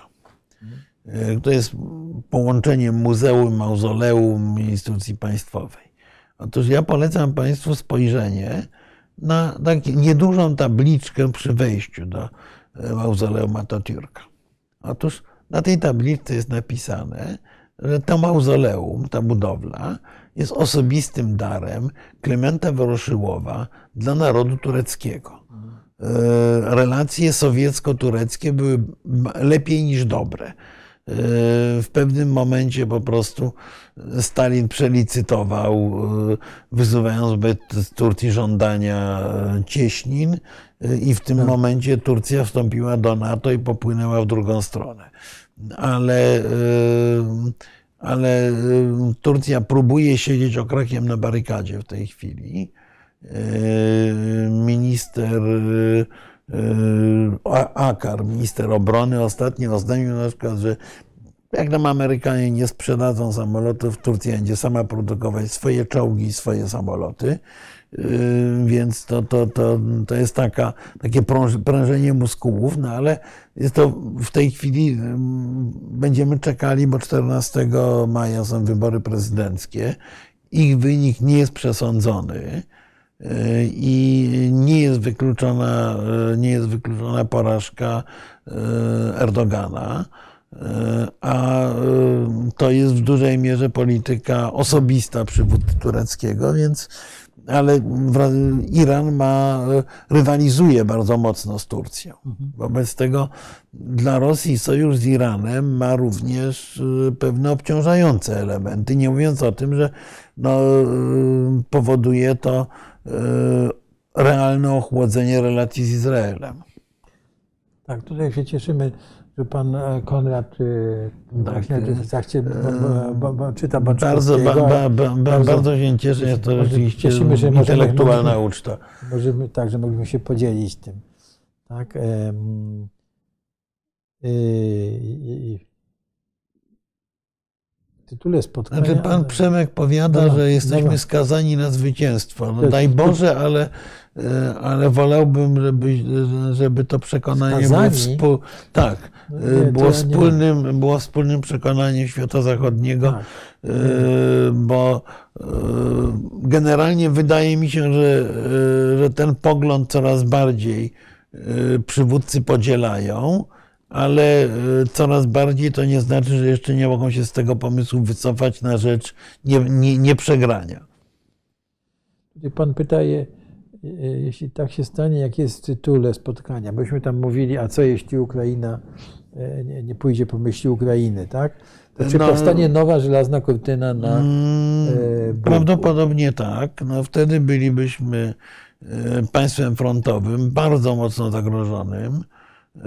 I no, oczywiście są różne wersje pośrednie. Ja raczej myślę, że będzie któryś z wariantów pośrednich, a nie e, wariant pełnego zwycięstwa którejkolwiek ze stron w tym konflikcie. Natomiast e, rzeczywiście, e, rzeczywiście trzeba w rachunku politycznym brać e, pod uwagę możliwą porażkę Ukrainy. Tak, I to, I to powinno być też przedmiotem już jakiegoś e, zespołu, czy zespołów, które po prostu Znaczy, nad tym nie pracują. jednego, wielu. a Nie zmienia to faktu, y, i nawet porażka Ukrainy y, nie oznacza, że e, Rosja, powinna, że Rosja powinna wrócić do rodziny narodów europejskich, czyli to jakby naszego generalnego wielkiego planu nie zmienia, e, czy elementu tego wielkiego planu. Natomiast oczywiście oznacza to, że my e, znajdujemy się w takiej sytuacji, w jakiej znajdowała się RFN w roku 1900. 52 powiedzmy, czy 53 y, zagrożonego kraju frontowego ze wszystkimi tego złymi i odrobiną drobnych, konsek- dobrych konsekwencji. Przy czym ja tego bardzo nie chciał, bo, yy, bo oczywiście nas to politycznie by pewnie jako państwo wzmocniło, yy, sprawiając, że jesteśmy ważniejsi niż byliśmy. Yy, Natomiast yy, yy, oczywiście nie bylibyśmy wtedy atrakcyjnym na przykład miejscem inwestycji. Krótko mówiąc, nie, nie, nie moglibyśmy być tacy zupełnie normalni. Tutaj e, pan e, Piotr nas prosi o komentarz No trochę mówiliśmy o tym Bliskim tak, Wschodzie, czy jak Tak. mówię, ja wolę określenia Środkowy Wschód, ale Wydarzeniom, tak, wydarzeniom, ale rozumiem, że główne wydarzenie to jest ten atak e, dronów. no to jest tak, izraelskich, no ale to izraelskich. właściwie przyznali, izraelskich na, na, na Iran, e, demonstracje w Iranie nieustannie trwające, e, zmiana polityki izraelskiej pod wodzą Neta- Netanyahu, wejście, oczy, oczywiście no, traktując szeroko obszar tego świata e, arabskiego i bliskowschodniego, e, oczywiście decyzja Maroka, oczywiście zaanonsowanie przez Egipt gotowości do bycia krajem pośrednikiem pomiędzy, pomiędzy e, Rosją a Ukrainą. Oczywiście wybory tureckie i, e, i bardzo, mówiąc delikatnie, asertywna polityka Turcji, zarówno wobec Stanów Zjednoczonych, jak i, jak i Rosji, y, która jest dla Erdogana kosztowna, ale politycznie oczywiście bardzo, ba- bardzo zgrabna. No, bardzo dobrze się to sprzedaje. Ale wybory tureckie są rzeczą nie, niewątpliwie bardzo ważną. Stulecie obchodów nie- niepodległości No ja- się no na to tak. nakłada. Dobrze, ale słuchaj, jak patrzymy na Rosję i Rosja i Iran, tak? a jednocześnie mamy y, no, te y, takie no, nowo zbudowane re, dobre relacje z Arabią Saudyjską. Czy tu mamy jakieś coś do, do, do zauważenia, coś do Znaczy, ja, mówienia? mam, ja mam wrażenie, że Arabia Saudyjska e, uświadomiła sobie, iż e, stawianie, no, no właśnie, wkładanie wszystkich jajek do amerykańskiego koszyka może jej się nie opłacić z różnych powodów. E, Między innymi dlatego, że Saudyjczycy mają ochotę spokojnie gnębić kobiety, zabijać własnych obywateli, jak, Tak. e, jak tego dziennikarza zamordowanego w mm, e, Istambule E, i nie chcą się koniecznie z kimkolwiek liczyć, a Amerykanie jakoś zaczęli się upominać jakieś przynajmniej elementy demokracji. Wobec tego e, Saudowie e, próbują się pozycjonować e, pomiędzy, różnym, pomiędzy różnymi, różnymi obszarami polityki światowej z e, wieloma konsekwencjami. Ja myślę, że w naturalny sposób Arabia Saudyjska będzie się zbliżała do Chin, ponieważ Chiny są klientem kupującym saudyjską ropę. Pamiętajmy, że zainteresowanie Stanów Zjednoczonych Arabią Saudyjską, e, czy generalnie Zachodu, e, Arabią Saudyjską i Zatoką Perską wynikało z tego, że byliśmy jako cały świat zachodni uzależnieni od eksportu ropy z tego, z tego regionu. E, Natomiast w tej chwili e, Amerykanie wrócili do pozycji lidera w produkcji ropy naftowej i gazu i przestali być uzależnieni. Europa nie bardzo umie sobie poradzić z wyzwaniami politycznymi Bliskiego Wschodu samodzielnie, a e, wchodzą oczywiście e, jako główny klient coraz bardziej Chiny, e, które chętnie w tym obszarze by zbudowały swoje wpływy. Natomiast Stany Zjednoczone po prostu no, no, są coraz mniej zainteresowane. Amerykanie w pewnym momencie mówili nam wprost, że nam w sensie Europejczykom, że weźcie wy, posprzątajcie to na tym Bliskim Wschodzie, że Stany Zjednoczone zasadniczo mają e, jeden interes, ochronę e, integralności Izraela i tu się będą angażowały, a w inne kwestie niekoniecznie muszą. No, Zobaczymy, jak to będzie wyglądało dalej, ale rzeczywiście, e, rzeczywiście sporo Saudów, sporo kraje Zatoki Perskiej e, jest e, grą, w której państwa osi zła zyskują, a, a państwa osi dobra albo nie potrafią grać, albo są coraz mniej zainteresowane po prostu Saudami. No, jakoś pewnie nie, nie, nie umieją, albo nigdy. No nie, ale to, nie, ale to jest dość oczywiste. No, skoro, skoro Ameryka nie ma tam interesów, no to, to, to y, taki reżim jak reżim saudyjski musi szukać potencjalnego parasola nad sobą. No musi. Y, Co tu jeszcze mamy? Tutaj zaczyna się cały wątek o tym, że mało sprzętu Zachód y, wysyła. Mm, Znaczy wysyła dużo, ale za mało. To ja bym to tak określił. Tak. Jest, y, tu mówiliśmy o tym, że y, jeśli nie Zachód y, nie, nie przejdzie na produkcję wojenną, prawda, szybko, no to rzeczywiście Znaczy może nie skąd pan Adam tak by the way wziął te 200 czołgów miesięcznie produkowane Tak. przez Rosjan. Jakoś wiem. dziwnie, e, dzi- dziwnie mi się to nie zgadza z danymi, które ja Tak. mam. E, Wydaje mi się, że Rosjanie produkują 200 czołgów rocznie, a nie, a- a nie miesięcznie w tej chwili. E, I to, I to nie są to czołgi armata, których rosyjska armia nie chce.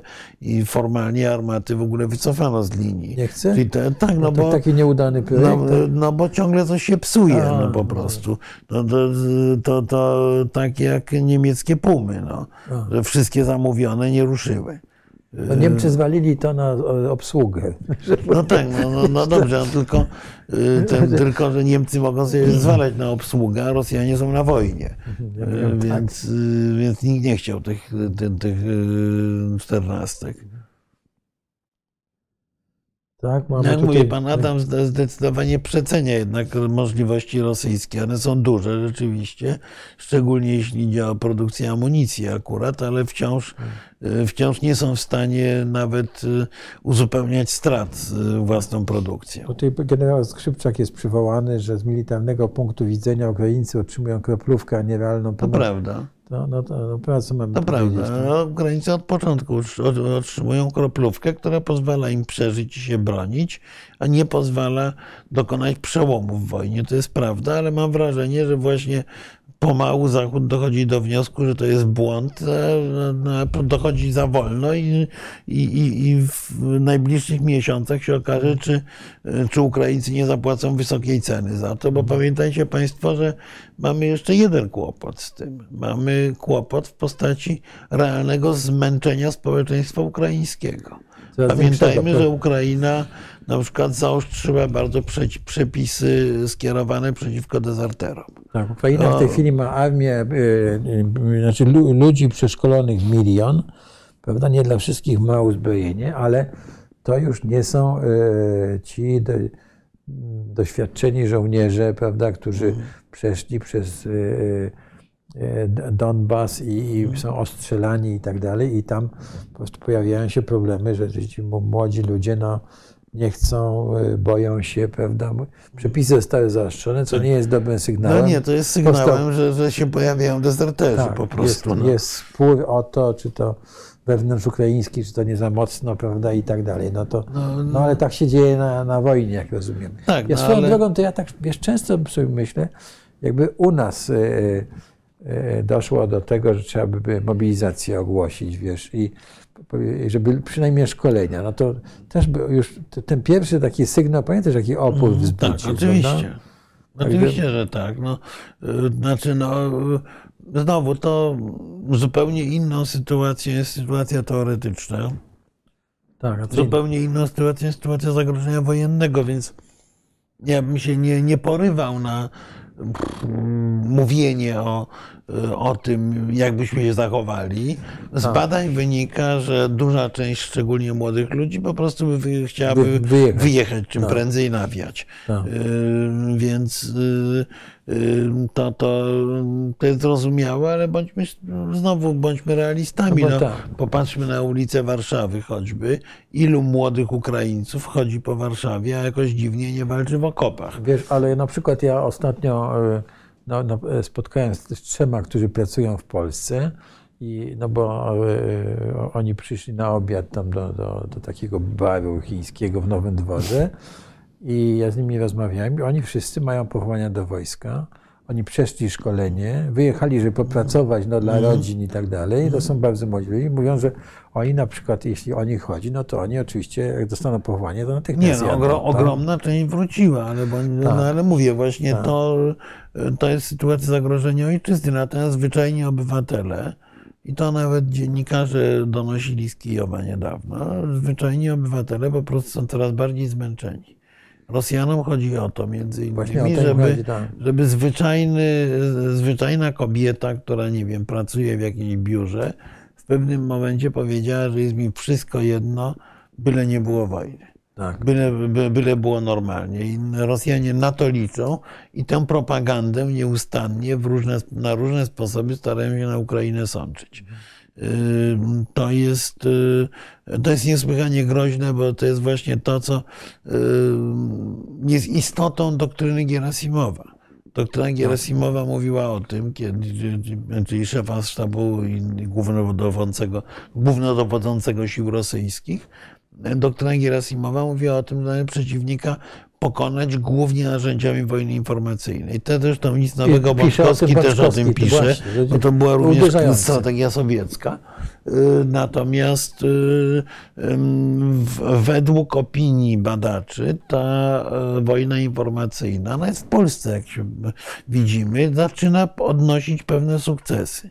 Ilość osób, które w Polsce zaczynają mówić, że no, Rosjanie też mają jakieś racje i tak dalej, i tak No, dalej, mamy, też rośnie. mamy pana Leszka Sykulskiego. No tak, no ale, on, no tak, no ale on jest powiedzmy tutaj ekstremalny. Natomiast ja mówię o takich normalnych ludziach, którzy zaczynają też, też być zmęczeni tą wojną. Te, Tak. y, jakby cała e, rosyjska koncepcja polega w tej chwili na tym, żeby wszystkich tą wojną po prostu zmęczyć. On będzie puszczał kolejne tysiące ludzi na, na śmierć, y, ale jednocześnie no, będą ginąć również Ukraińcy i będzie niszczył, nie dlatego, żeby zniszczyć Ukrainę, bo jemu nie o to chodzi, ale y, nisz, niszczy to, co ma złamać ducha Ukraińców.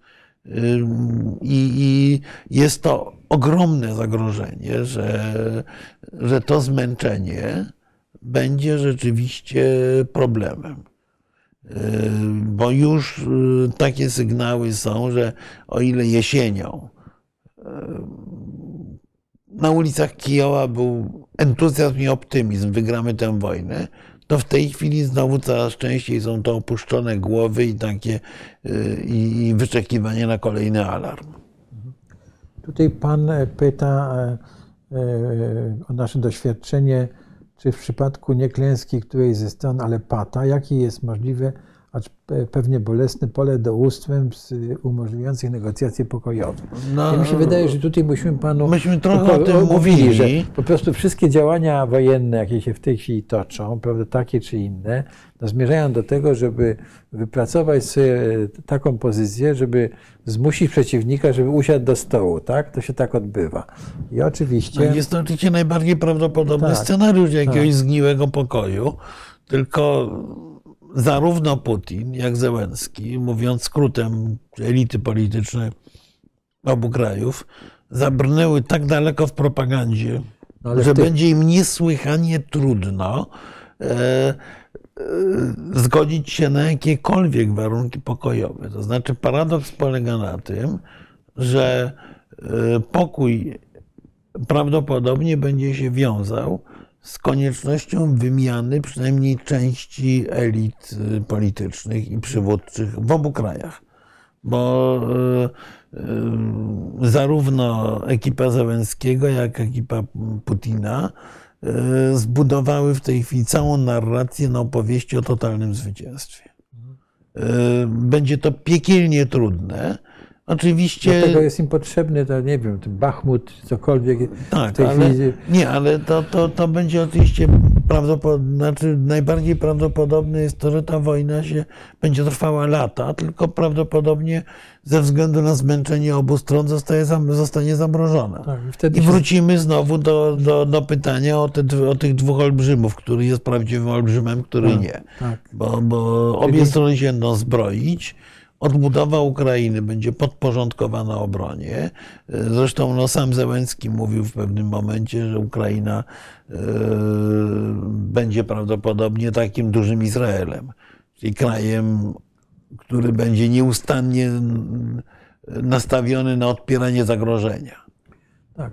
I no, w historii e, to było przecież tak, że nawet, nawet naszych wojen z Moskwą, to było przecież, czy innych wojen, prawda, zawierało się, jak już strony się wyczerpały, zawierało się pokój wieczysty, Tak. który trwał tam, nie wiem, 5-10 Tak. lat, tak? I po czym, a, a znowu zawsze te, Tak, ten ja myślę, ja myślę zresztą, że bardzo ważna będzie ta podróż europejska prezydenta Bidena, bo wygląda na to, że Biden ma przyjechać do Europy czy do Polski również właśnie z propozycją nowej architektury bezpieczeństwa. Że Amerykanie sobie to domyśleli i po to tu jadą, żeby zaproponować nową architekturę bezpieczeństwa Zwłaszcza, regionalnego. zwłaszcza że ten, ta, ta koncepcja z Niemcami, prawda, tam li, partnership, leadership prawda, nie, nie, nie, nie wyszła, zdaje się, nie, nie wychodzi, prawda, czy, czy być może, y, to, to, ciekawe z czym przyjedzie, tak, ciekawe też, No tak, że- niewątpliwie zdecydował się po krótkim czasie na ponowną podróż w tą, Tak. w tą stronę.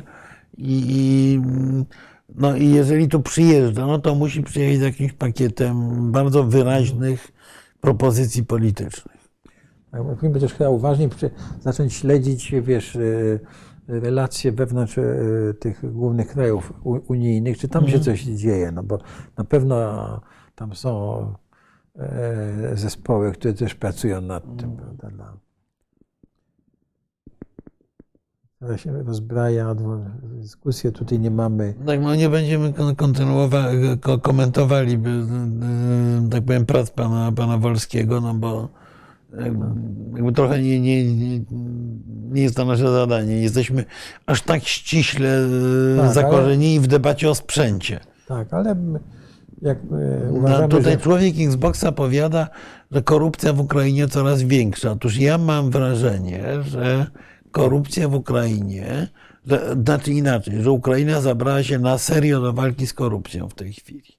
Korupcja rzeczywiście była dramatyczna cały czas i mam wrażenie, że e, e, między innymi po to, żeby wzmocnić własną wiarygodność w oczach sojuszników, partnerów świata zachodniego, e, prezydent Zełenski bardzo mocno uderzył w przeróżne układy korupcyjne. Na pewno nie wszystkie, ale od lat nie było tak mocnego uderzenia skierowanego w korupcję na, na wysokim szczeblu rządowym, jak to, co w ostatnich dniach robi, e, e, robił Zełenski. No to jest jednak też sygnały z Senatu, zwłaszcza od senatorów republikańskich, prawda, e, po Tak. tych wyborach były bardzo mocne, prawda, i tu jest e, no tak, że po prostu może dojść do tego, że pomoc amerykańska zostanie ograniczona. Znaczy, no, Eee, na, to jest być albo nie tak. ograniczona i po- pomoc europejska też. Tak. e, Ukraina otrzymywała sygnały, że na przykład dystrybucja e, pieniędzy pomocowych będzie kontrolowana w całości przez darczyńców. Tak, No co oczywiście dla państwa jest e, ale, e, średnio wygodne i średnio honorowe. ale rozumiem, że e, może się zdarzyć coś takiego na Ukrainie, czy może się zdarzyło, prawda, że jakieś na przykład racje żywnościowe wysłane nagle zamiast pojechać na front się pojawiły w sklepach, prawda, no. No tak, tak, to, No, to, to to, jest- jest, oczywiste. rzeczywiste i e, jak co? Jak Polacy na F-16? Polacy nie na F-16. Znaczy mogą wysłać. No, ale, Znaczy, e, bez, po, bez po, pozwolenia amerykańskiego. Nie, nie, nie. wyjść, No no to- oczywiście, ale no, możemy wysłać, mogą wysłać y, Holendrzy, mogą wysłać Norwegowie, Bóg wie kto jeszcze i prawdopodobnie te samoloty na Ukrainę polecą. Y, Natomiast no to oczywiście znowu to, jest, to, to tak naprawdę jest to decyzja polityczna NATO czy też Stanów Zjednoczonych. Tutaj jest, e, jeśli Kijów e, poprosi o rozejm, to czy Moskwa będzie chciała rozmawiać z obecnymi elitami Kijowa? Mm, Myślę, że nie bardzo, ale jeszcze bardziej obecne elity Kijowa nie chcą rozmawiać z obecnymi elitami w Moskwie. Y, To, to, to, to, to jest bardzo poważny pro- problem. Proszę Państwa, no, e, e, zwróćmy uwagę, po tych wszystkich aktach, e, tych tortur w Buczy, prawda, tych mordowaniu cy, cywilów, prawda, okaleczeniu jeńców, e, e, wy, wy, wywózce miliona dzieci prawie, prawda, z Ukrainy, no, e, naprawdę będzie trudno be- bezpośrednio ro- rozmawiać. To jest, no, mm,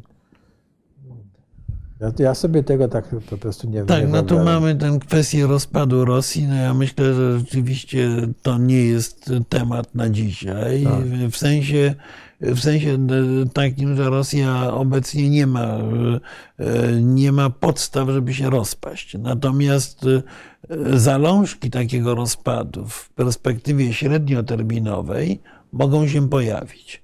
Rzeczywiście. Natomiast na pewno Rosja, jeżeli chce być państwem funkcjonującym efektywnie, powinna być krajem realnie sfederalizowanym, z dużo e, mocniejszymi e, władzami lokalnymi. No i, e, i, i nie podporządkowana w tak ogromnym stopniu władzy centralnej jak obecnie to, to było jedno w oczach Rosjan z osiągnięć Putina, dodajmy, że on ocalił jedność Rosji w ich y, przekonaniu. Natomiast y, jeżeli Rosja ma się unowocześnić i zdemokratyzować, to musi to być Rosja y, dużo bardziej zregionalizowana, nie rozpadająca się, bo ja nie widzę, jak mówię, w tej chwili podstaw, no, na co się ma Rosja rozpaść. Znaczy rozumiem, że rozpad Rosji, może Państwo rozumieją to, że te republiki, wiesz, e, No, ale na no- południu się jak gdyby No, ale nie, no, uniezależnią no, bardziej. ja, na, tak? Ale- południu, na południu mamy y, kilka maleńkich republik na Kaukazie Północnym, które istotnie mogą się oderwać, tylko no jest, to, y, jest to dla Rosji stosunkowo mały problem. Mogą też na tym stracić też e, pewnie No one, republiki. znaczy, tak, bo, bo to prawdopodobnie byłyby w stanie permanentnej wzajemnej wojny i Tak. konfliktów, ale, ale powiedzmy, że mogą się oderwać, no bo Kauka, na Kaukazie ci górale zawsze, e, za, za, zawsze walczyli z Rosją rzeczywiście, więc no, tylko to niczego nie zmienia. Podobnie jeżeli wszyscy mówią o Tatarstanie, Tatarstan, Tatarstan, Tatarstan, proszę Państwa, Tatarstan to jest 40 tysięcy kilometrów kwadratowych na 16 milionów z okładem, jakie ma Rosja, e, położone w środku Rosji, otoczone przez Rosję, i 4 miliony ludności. No, przepraszam, peanut. Jedyna, je- jedyne realne zagrożenie dla Rosji to by mogło być odpadnięcie Jakucji, czyli Republiki Sacha. Jakucja co prawda ma e, ludności tyle co lewobrzeżna Warszawa e, cała, ale ma 3 miliony kilometrów kwadratowych i ogromne zasoby dóbr materialnych, ale e, Jakuci z kolei bardziej boją się Chińczyków niż Rosjan, a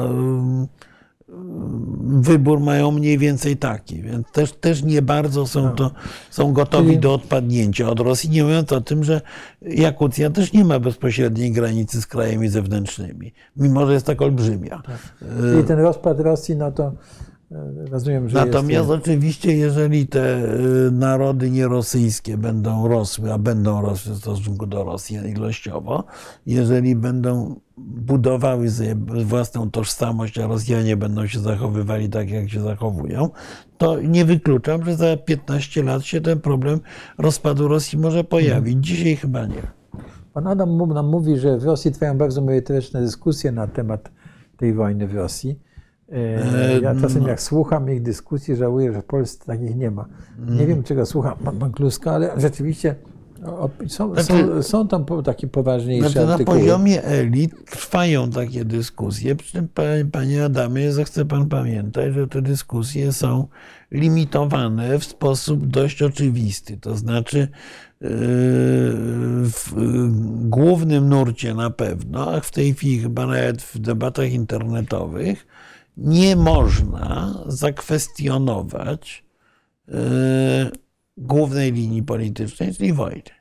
E, Pytanie, e, znaczy dyskusje rzeczywiście profesjonalne trwają na temat tego, jak wojnę wygrać, albo jak wojnę zakończyć, albo ewentualnie e, co robić po wojnie. Natomiast e, e, ta debata jest debatą wewnątrz jednej strony politycznego sporu, ponieważ przeciwnicy wojny dyskutują i owszem, ale poza Rosją czy osoby, które uważają, że wojna jest błędem, dyskutują, ale dyskutują z emigracji.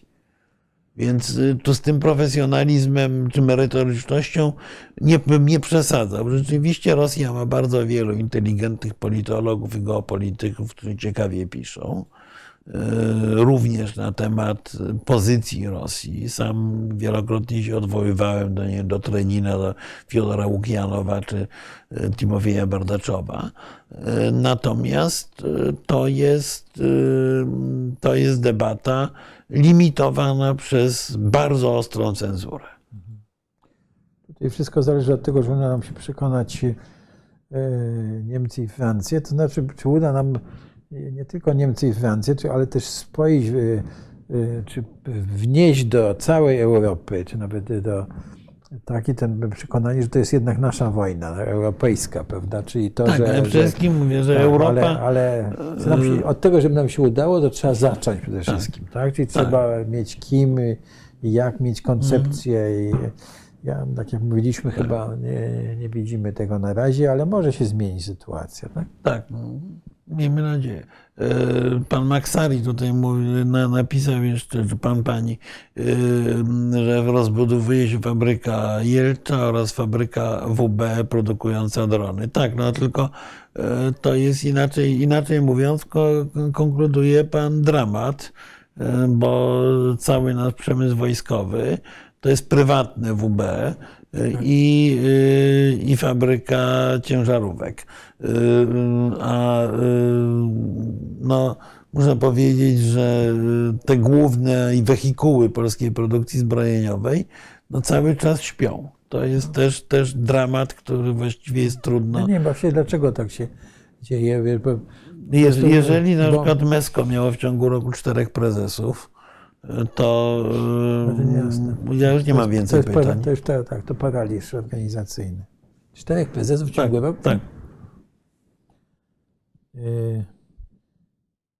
Niewiele produkuje, to już mówiliśmy, że przemysł niewiele produkuje, Rosjanie zdobędą Donbas, wtedy wszyscy zgodzą się na E, No taki jest plan, e, taki jest plan rosyjski rzeczywiście. Natomiast nie wiem, czy wtedy wszyscy zgodzą się na rozejm. Nie jestem tego pewien.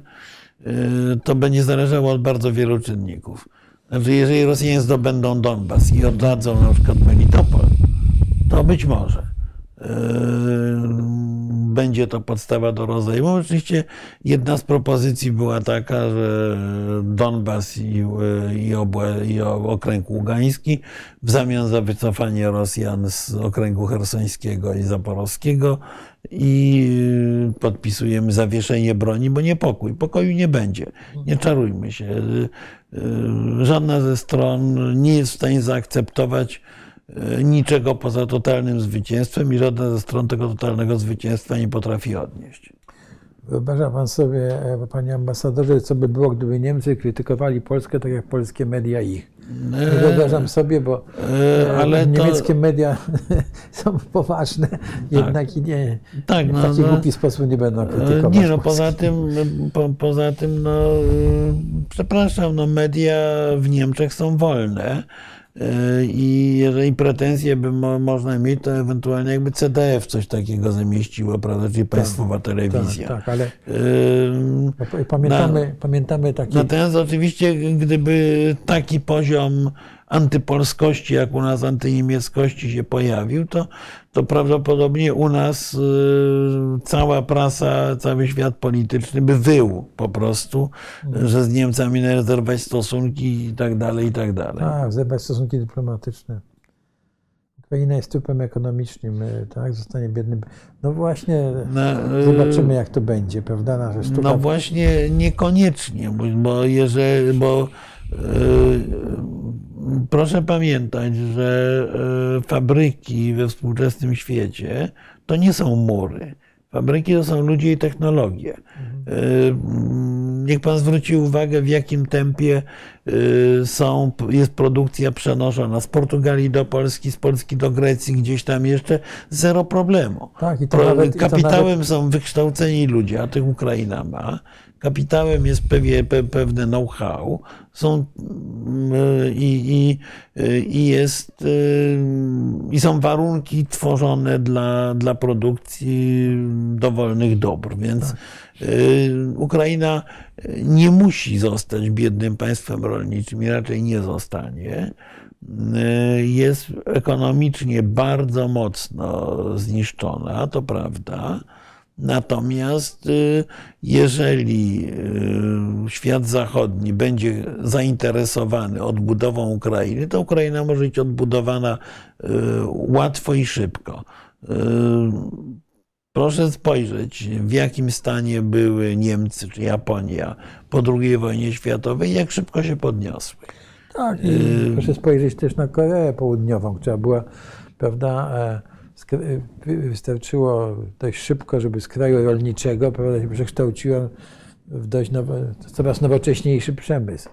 Więc, więc nawet jeśli to jest tak od, od początku, a, Ukraińcy nie, są- nie, nie są takim, Tak, takim także- narodem, przez, prawda, Także mają to, to, to, to nie jest oczywiste. Rzeczywiście poziom zniszczenia Ukrainy jest dramatyczny, ale, y, ale to jeszcze nie znaczy, że Ukraina zostanie państwem rolniczym. To, to jest duże uproszczenie. Tutaj pan pyta o komentarz y, e, do oświadczenia konferencji ambasadorów. E, Zdaje konferencja napisała prośbę o kontrolę pieniędzy z Unii Europejskiej. E, Ja rozumiem, że to była prośba o to, że, żeby e, te pieniądze były Znaczy, z używane, tego- z tego, co ja przeznaczone na to, na co mają być, a nie na przykład na wybory, na tak, nie, no, z tego co ja tak pamiętam, to chodziło właśnie głównie o to, żeby, żeby wdrożyć mechanizmy kontrolne, żeby e, środki z KPO były przyzna- wydawane zgodnie z przeznaczeniem, a nie na prezenty wyborcze. No ale e, no, powie- powiedzmy sobie szczerze, że to, to, to, to jest rzecz dość oczywista, że takie mechanizmy powinny być e, wdrożone. Tutaj mamy prośbę... Ile polski rząd wydał już pieniędzy na tę wojnę? Wedle różnych obliczeń, no plus minus 10 miliardów złotych wydaliśmy. Jakieś, y, ale, ale to są, to jest bardzo trudno policzyć, bo na przykład bardzo dużo sprzętu wysyłaliśmy z zasobów wojska po prostu i nie wiadomo ile z tego to był sprzęt do demobilu, a ile, Tak, ile taki, który trzeba odkupić i tak dalej. Część, za część tych rzeczy płacili zresztą czy Amerykanie, czy Unia. Unia Europejska Tak. y, z jakichś pieniędzy, więc to nie wszystko było Część jest y, jakieś, podarowane. jest jakieś umowy kredytowe Tak. prawda, i tak dalej. Więc, Więc y, około 10 miliardów złotych chyba zostało wydane, no, ale to nie jest oczywiście, to jest oczywiście kropla w morzu, ponieważ społeczeństwo polskie w procesie pomagania uchodźcom wydało jeszcze więcej. I tego to, to jest bardzo trudno policzyć. Niewątpliwie, niewątpliwie były to koszty znaczne tak na Polskę. Czy wiemy coś o odwołaniu ukraińskiego ministra obrony? Pan tutaj E, e, coś tam słyszeliśmy, prawda? Ym, Znaczy, y, odwołanie ministra Re- Reznikowa rzeczywiście jest rozważane. Nie tyle ze względu na jego winy, ile ze względu na to, że y, na odpowiedzialność polityczną. To znaczy, zresztą to by- były sygnały, że jeżeli by odchodził, to nie znaczy, że odchodzi z rządu, tylko odchodzi z tego stanowiska, czy ze, czy z pracy rządowej, tylko z tego stanowiska, no ze względu na odpowiedzialność polityczną właśnie za te różne afery korupcyjne, za które polecieli jego zastępcy. Jesteś romantykami? Nie, staramy się chodzić po ziemi twardej. Nie, ale to chyba, to, to chyba jest nas, we, tak? wewnątrz, tak, w dyskusji wewnętrznej. Yy, Maroko, USA to stara historia sojuszu i oczywiście tak, czołgi. i, tak, no i czołgi, tam, że, że wymiana, Marokańczycy chcą. No tak, no, no my oddając nasze te 72 też się domagaliśmy, domagaliśmy się Abramsów albo Leopardów jako rekompensaty. Co, co w tym dziwnego? To, to, to jest oczywiste. Tutaj jest y, y, Ukraina Zachodnia. Czy istnieje realna perspektywa na to, że w wypadku kłopotów Ukrainy Polska lub ONZ wyśle misję pokojową do Ukrainy Zachodniej? Jak będzie wyglądało zabezpieczenie naszej granicy? Otóż, y, proszę Państwa, Znaczy Polska nie może wysłać, ONZ y, też nie może wysłać, bo Bo- Rosjanie to zawetują. zawetują, tak, więc nie będzie misji pokojowej. Bardzo wątpię, żeby tam weszły wojska natowskie, aczkolwiek e, e, rzeczy, których sobie nie wyobrażaliśmy parę miesięcy temu się dzieją, więc trudno, trudno powiedzieć. E, W pewnym momencie była mowa o tym, że na przykład będzie wtedy wprowadzona strefa zakazu lotów, na przykład Tak. przez NATO. E, Wojna ma swoją dynamikę. Tu mamy, Rosja zawsze była zagrożeniem. E, Polacy za mało zabili podczas II wojny światowej. Tutaj też Tak, hiszpańskie leopardy dwa tygodnie temu się do niczego nie nadawały, teraz są dobre. No, y, znaczy, a kto mówił, że do niczego nie nadawały? Bo, bo Ja też nie słyszałem, że się nie dawały. Tam ktoś napisał, że to, są, to jest wersja, do której nie ma części zamiennych. No to, to my, ja mi się wydaje, że jeżeli Hiszpanie je mają, to mają jakąś, zawsze mają jakiś zapas części zamiennych. nie, nie, to no, no, przekażą oczywiście. z No, tym zapasem. No przecież Zwłaszcza, że- te wojska są, te, te czołgi są na bieżącym wyposażeniu wojska, więc tak. wątpię, żeby, żeby tak było. Poza tym, jeżeli nie Hiszpanie, to inni mają części zamienne, bo na przykład tych leopardów w wersji jedynka najwięcej mają Grecy i Turcy.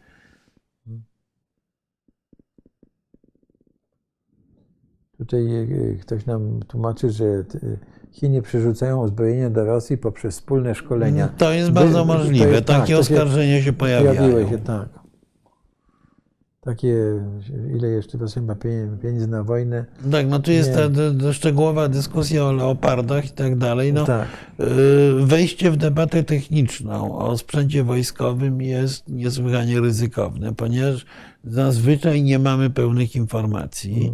Ja na przykład nie wiem, czy y, Abrams jest uważany za najlepszy czołg świata, ale czy Abrams na przykład już nawet w wersji polskiej, czyli bez y, tego uranowego pancerza, który jest najlepszym pancerzem świata, jest już, jest już najlepszy, czy może jest gorszy od czegoś innego. Leopard 1 jest y, na pewno lepszy od T-72, y, ale, Ale to też wszystko zależy od wyposażenia i tak dalej, i tak I dalej. oczywiście To- od obsługi, tak? I no, no, jeśli chodzi o te czołgi, to jeszcze pamiętajmy, że sam czołg to jest, y, y, nie wiem, 30%, tak? Tak. Reszta to jest logistyka, reszta to jest ob- obsługa, wsparcie, y, wozy techniczne, dowóz amunicji, prawda, infrastruktura w kraju, żeby się ten czołg mógł poruszać tam i tak dalej, i tak dalej. To ja nie Tak, jestem, no tej, tak sobie to wyobrażam to- przynajmniej. Tutaj pa, padły, tak. padły, padło pytanie, na ile, jakie Rosja ma możliwości w tej wojnie. No, e, I tu, tu od, odpowiedź 3-5 lat, no niezupełnie. No, według e, różni analitycy to postrzegają. Jedni mówią o, o 8 miesiącach, inni o 3 latach, rzeczywiście inni o 5. Natomiast to jest też pytanie oczywiście o to, jak będą działały sankcje. To jest pytanie o to, jak, ja- jakie koszty będą, będzie Rosja zmuszona ponosić e, przy e, dalszej eskalacji, trwaniu konfliktów i tak dalej, i tak dalej, to, to jest piekielnie trudno powiedzieć. W każdym razie e, niewątpliwie Rosjanie e, nie mają już pewności, że stać ich na wszystko. I, e, i to, e, to, to, to, to oczywiście e, tworzy perspektywę, że muszą w miarę szybko ten konflikt zakończyć. Tak, tutaj y, pan Paweł Czapski nas pyta, co z Białorusią, czy ostatnie działanie wypowiedzi Łukaszenki Tak. można czytać Tak, oczywiście. No zresztą Tak. mówiliśmy trochę o Tak. tym. Łukaszenka cały czas próbuje, próbuje wchodzić w jakąś grę, natomiast jest oczywiste, że po, po tej fali represji będzie bardzo trudno podjąć z nim rozmowę, ale, e, ale naturalnie no, właśnie to, co robią Ukraińcy, którzy nie zerwali stosunków dyplomatycznych z Białorusią, którzy próbują zachować jakieś pole kontaktu z e, Białorusinami. Y, Więc y, Łukaszenka mruga okiem, y, ale mruganie to już jest w tej chwili o wiele za mało w stosunku do tego, co musi zrobić, żeby, żeby zostać potraktowanym jako ktoś, z kim w ogóle można próbować siadać do stołu. Nie, nie, nie mówię nawet zawierać deal. Czyli nie wiemy, kto padnie y, pierwszy ofiarą taktycznej broni jądrowej, tak? Nie wiemy, każdy może paść. Tak. y, Nie wiem, to jeśli ktoś się Tak, ja, to- e, znaczy ja powiem tak, ja jestem niestety tutaj pesymistą e, i e, ja uważam, że kolejne, kolejne elementy wojny coraz bardziej odczarowujemy.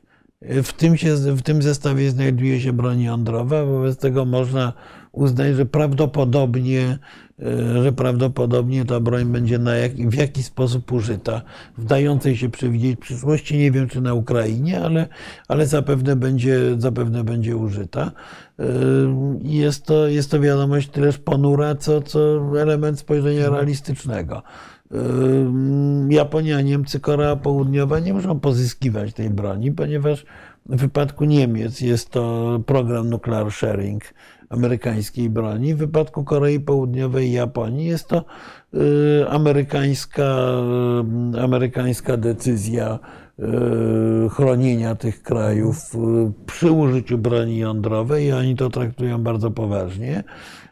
Myślę, że jeżeli Rosja użyje broni jądrowej, to wiele krajów na świecie, niekoniecznie akurat te, będzie chciało y, tę broń zdobyć, a albo, jest, albo uruchomi jakieś wysiłki, żeby... no nie, ale Tak. jest co najmniej 30 państw świata, które posiadają technologie pozwalające na w miarę szybkie wyprodukowanie paru bomb atomowych. Ym, I, i najprawdopodobniej, znaczy, ale właśnie, właśnie to nie jestem pewien, bo na razie największą zachętą do produkcji broni jądrowej to, jest, to są profity czerpane przez Koreę Północną z posiadania tej broni. Yy, Natomiast jeżeli zostanie użyta, no to pamiętajmy, że zostanie odczarowana. Czyli posiadanie kilku bomb atomowych niczego nie załatwia. No, można zabić iluś ludzi, narobić szkód, natomiast y, prawdziwym, y, y, prawdziwe mocarstwa atomowe to są kraje, które posiadają setki albo tysiące głowic i posiadają zdolność zniszczenia albo połowy, albo całego świata. Więc paradoksalnie być może użycie broni jądrowej właśnie ją na tyle odczaruje, że nie będzie konieczne jej produkowanie przez małe kraje. jesteśmy e, e, proszeni, proszeni, pan prosi o to, żeby skomentować e, słowa, to, że to, co nasze pięć ambasador Nickel napisał, tak, Tak. y, y, że Ambasador nasze jeszcze- pięć, y, ambasador Niemiec w Polsce Tak, były, że nasze pięć minut może zostać zmarnowane. Jakie są powody Jakie są powody tej wypowiedzi? No, powody tej wypowiedzi są właśnie takie, że jest Mówiliśmy to. o tym tutaj. E, No nie, że Nikel jest e, rzeczywiście człowiekiem Polsce życzliwym i człowiekiem, który swoją karierę jakoś tam buduje na relacjach z Polską i widzi po prostu jak e, rozłazi się, mówiąc Proszę brzydko, państwa, ten pozytywny obraz Polski w Niemczech. to, o czym my mówiliśmy tutaj już kilka razy, dzisiaj zresztą też, prawda? Że te pięć minut, e, prawda? które nam podarowali Ukraińcy suk- swoimi sukcesami my, na wojnie. my, my, my, Ukraińcy nam podawali, my podarowaliśmy sobie, społeczeństwo polskie swoim e, tak. e, e, postawą i stosunkiem do e, uchodźców. No, I to, że w ogóle mamy taki czas, że dyplomacja powinna buzować w tej Tak. chwili, prawda? I to jest to. A nic się nie Tak. dzieje, prawda? Tylko tak jak mu prawda, pa- paru europosłów wy- wymyśla Niemcom, to jest w ogóle żenujące i śmieszne. Nie, no. to powinniśmy w inwestować w dyplomację publiczną, a nie w redutę dobrego imienia i tak Tak, dalej, no i tak, tak, dalej. tak. To e, po prostu mi się nie chce, nie, nie, nie chcę tego powtarzać, bo to, to są rzeczy oczywiste, znane specjalistom od marketingu politycznego od dziesięcioleci. Nic specjalnie nowego, natomiast no, w oczywisty sposób y, y, po prostu trzeba to robić, a nie gadać y, o tym, a, a robi, robić to można wtedy, kiedy jest realnie y, kiedy jest realne wsparcie państwa, bo bez państwa, bez instytucji państwowych się tego tak naprawdę nie zrobi, bo mo, można robić, można to fastrygować i fastryguje się czasami nasi specjaliści. Gdzieś krążą po uniwersytetach, mówią różne rzeczy, no ale yy, No, ale to ale, takie- no nie, ale istotne jest to, żeby mieć pewien placet mówienia w imieniu jakichś instytucji publicznych, y, mówienia w, w imieniu państwa i tak dalej. Tak, i żeby to, co się mówi w imieniu tego państwa, żeby potem znajdowało odzwierciedlenie e, w, reakcjach tego państwa, prawda? Nie, Tutaj to oczywiście gdzieś się pojawiło, że powinniśmy mieć broń atomową. to, to dobry No może pomysł. powinniśmy, ale, ale nie mamy po pierwsze. Po drugie, posiada, to, to co mówiłem, posiadanie kilku bomb atomowych umożliwia politykę w stylu Korei Północnej. No, jeżeli to jest dla nas wzorzec, to w porządku. Jeżeli nie, to, yy, to dużo ważniejsza jest nasza wiarygodność i zdolność budowania struktur sojuszniczych, bo, bo yy, to jest, to, to, to, to jest absolutnie oczywiste. Yy, Posiadanie kilku bomb i prowadzenie awanturniczej polityki, no co by nam to dało? Rosjanie by się naszych mm, 10 czy 50 głowic nawet nie przestraszyli. Yy, Więc, yy, a to jest zagrożenie. Yy, Niemcy by się ich też nie przestraszyli, ponieważ yy, Amerykanie by nam je potrafili w 90% zneutralizować, yy, broniąc Niemiec przed, przed awanturniczą Polską wtedy. No, no więc, więc pytanie, po, po jakiego zbuja byłyby nam potrzebne te głowice atomowe? No, no, bo y, wyłą- y, broń atomowa w takiej skali jest, pro, po, po, jest y, potrzebna do prowadzenia polityki zbójeckiej. Jeżeli uważacie Państwo, że Polska powinna prowadzić zbójecką politykę, no to tak przyda się. Jeżeli mamy być normalnym, cywilizowanym krajem, to niewiele by to zmieniło. Tutaj, panie ambasadorze, co pan sądzi, jeśli nie będzie koalicji chętnych, czy, by- jednym słowem, czy wtedy powinniśmy wkroczyć sami do Ukrainy? Nie.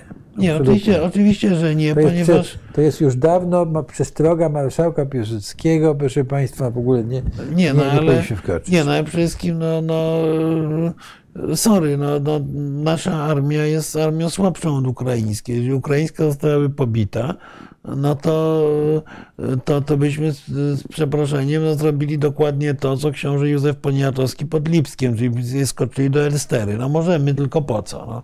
No. Y, Mamy w naszej historii wystarczającą ilość niemądrych gestów, które prowadziły do, do klęski, żeby, y, żeby się w coś takiego ładować. Możemy oczywiście i powinniśmy w takiej sytuacji zabiegać o to, żeby NATO rozważyło jako całość możliwość interwencji wojskowej, chociaż to jest też wysoce ryzykowne, ale jednak.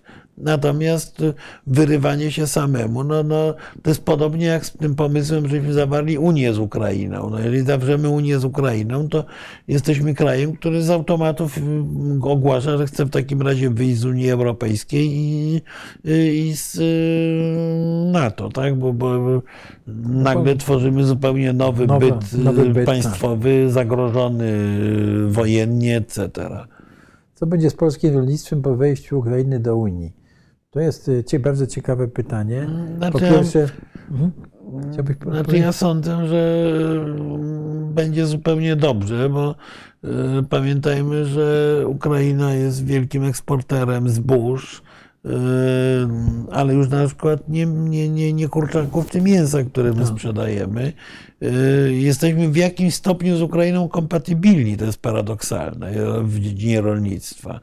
Y, Nasi, nasi producenci pszenicy by się pewnie przestraszyli tego, ale No, no, Ale no tak, ale, państwa- ale nie jesteśmy wielkim eksporterem pszenicy. Nie, zna, nie, jest trochę, trochę nieznacznym. eksportujemy. eksportujemy. Więc y, proszę pamiętać, że poza Unią Europejską i Ukrainą jest cały świat, który jest głodny y, y, y, ukraińskiego i europejskiego zboża. tak, No no, bo problem, problemem w tej chwili jest e, ukraińskie zboże, które się pojawiło nagle e, na rynku po bardzo niskich cenach e, w ramach tego tranzytu. Znaczy ono, ono nie powinno się pojawić. Ono się no, nie powinno tak, pojawić nie powinno na rynku, a się więc- pojawiło, no bo Tak, no bo- oczywiście ilość ludzi chce na tym zarobić, Tak, no, najzwyczajniej w w świecie, nie- ale nie jest to element Tak. większej polityki. No to, to, y, natomiast ja nie obawiałbym się wejść konsekwencji dla polskiego rolnictwa. Y, mm, Poza tym no, y, należy wykorzystywać takie sytuacje. No to, to oznacza na przykład to, że będziemy mieli bliżej y, i bezcłowo dostarczoną kukurydzę dla polskich y, hodowców kurczaków. prawda? przykład, tak. Y, I, Ale- I tak dalej, i tak dalej. I tak dalej, i tak dalej. Tak, wszystko, ale- to, to wszystko można wygrać. Ja bym się nie obawiał skutków dla polskiego rolnictwa, tak samo jak zresztą polskie rolnictwo nie stało się problemem dla rolnictwa europejskiego po wejściu Polski, czego też się obawiamy. A, wszyscy się obawiali. Myśmy się obawiali, że.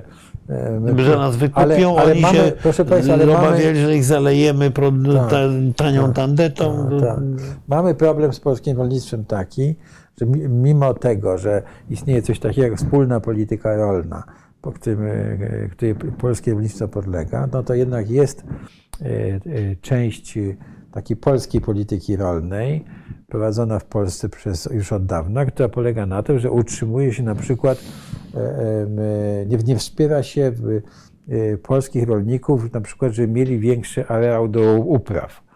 Tak, bo i w związku z tym polski przeciętny rolnik, na przykład jeśli chodzi o zasoby kapitału, co umożliwia przetrwanie kryzysu, ale też inwestycji w nowe technologie, po prostu jest biedniejszy od na przykład rolni- rolnika niemieckiego przeciętnego. Więc tę politykę, jeśli polską politykę rolną należałoby zmienić. Tak?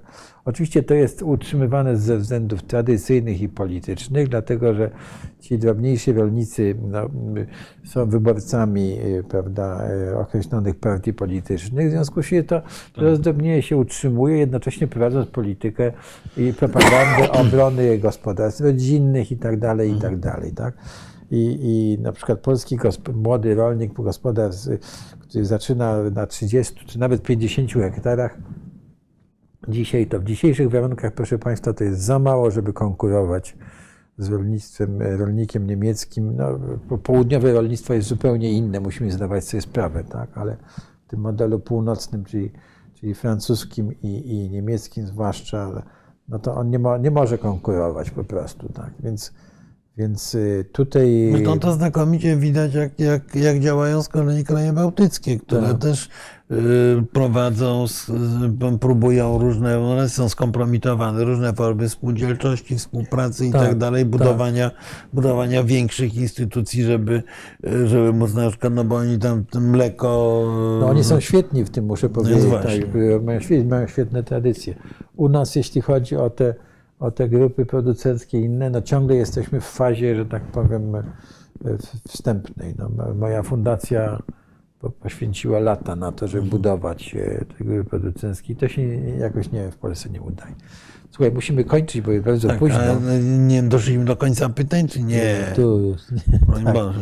Polska upada na własne życzenie liberum veto. Czy pan Marek wybiera się na placówkę lub jest chętny do... Proszę Państwa, ja to uważam, Znaczy, że... I po to tutaj pana... Nie, nie, niedźwiedź, niedźwiedź biega na razie spokojnie i porykuje, wobec tego dzielenie na nim skóry jest pozbawione Tak, sensu.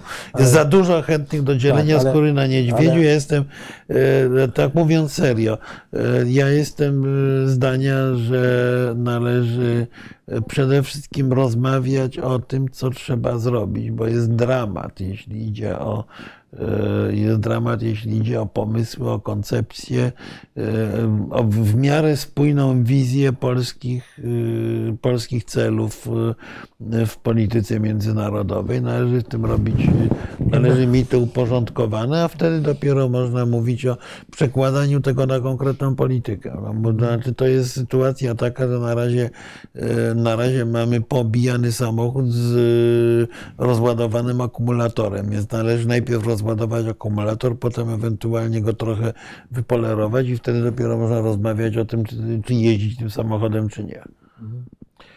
Tutaj e, mamy stwierdzenie, że Polska upadła na własne życzenie liberum veto. Ile No razy, nie, no ile, to, pytałem, to, ile to razy o już tym mówiliśmy. e, od, ale- od czasów Bobrzyńskiego co najmniej ta, ta, ta debata się Proszę. toczy i Tak. to z przyjemnością, ale to jest trochę inny temat e, rzeczywiście, natomiast tutaj padło, że Unia nie wejdzie, Ukraina nie wejdzie do Unii, bo za dużo by to Unię kosztowało, to jest puste gadanie marzycieli. Otóż oczywiście, jeżeli by to Unię miało bardzo dużo kosztować, to istotnie nie wejdzie, ale ja mam wrażenie, że Unia jako instytucja, jako całość zarabia na e, rozszerzeniu.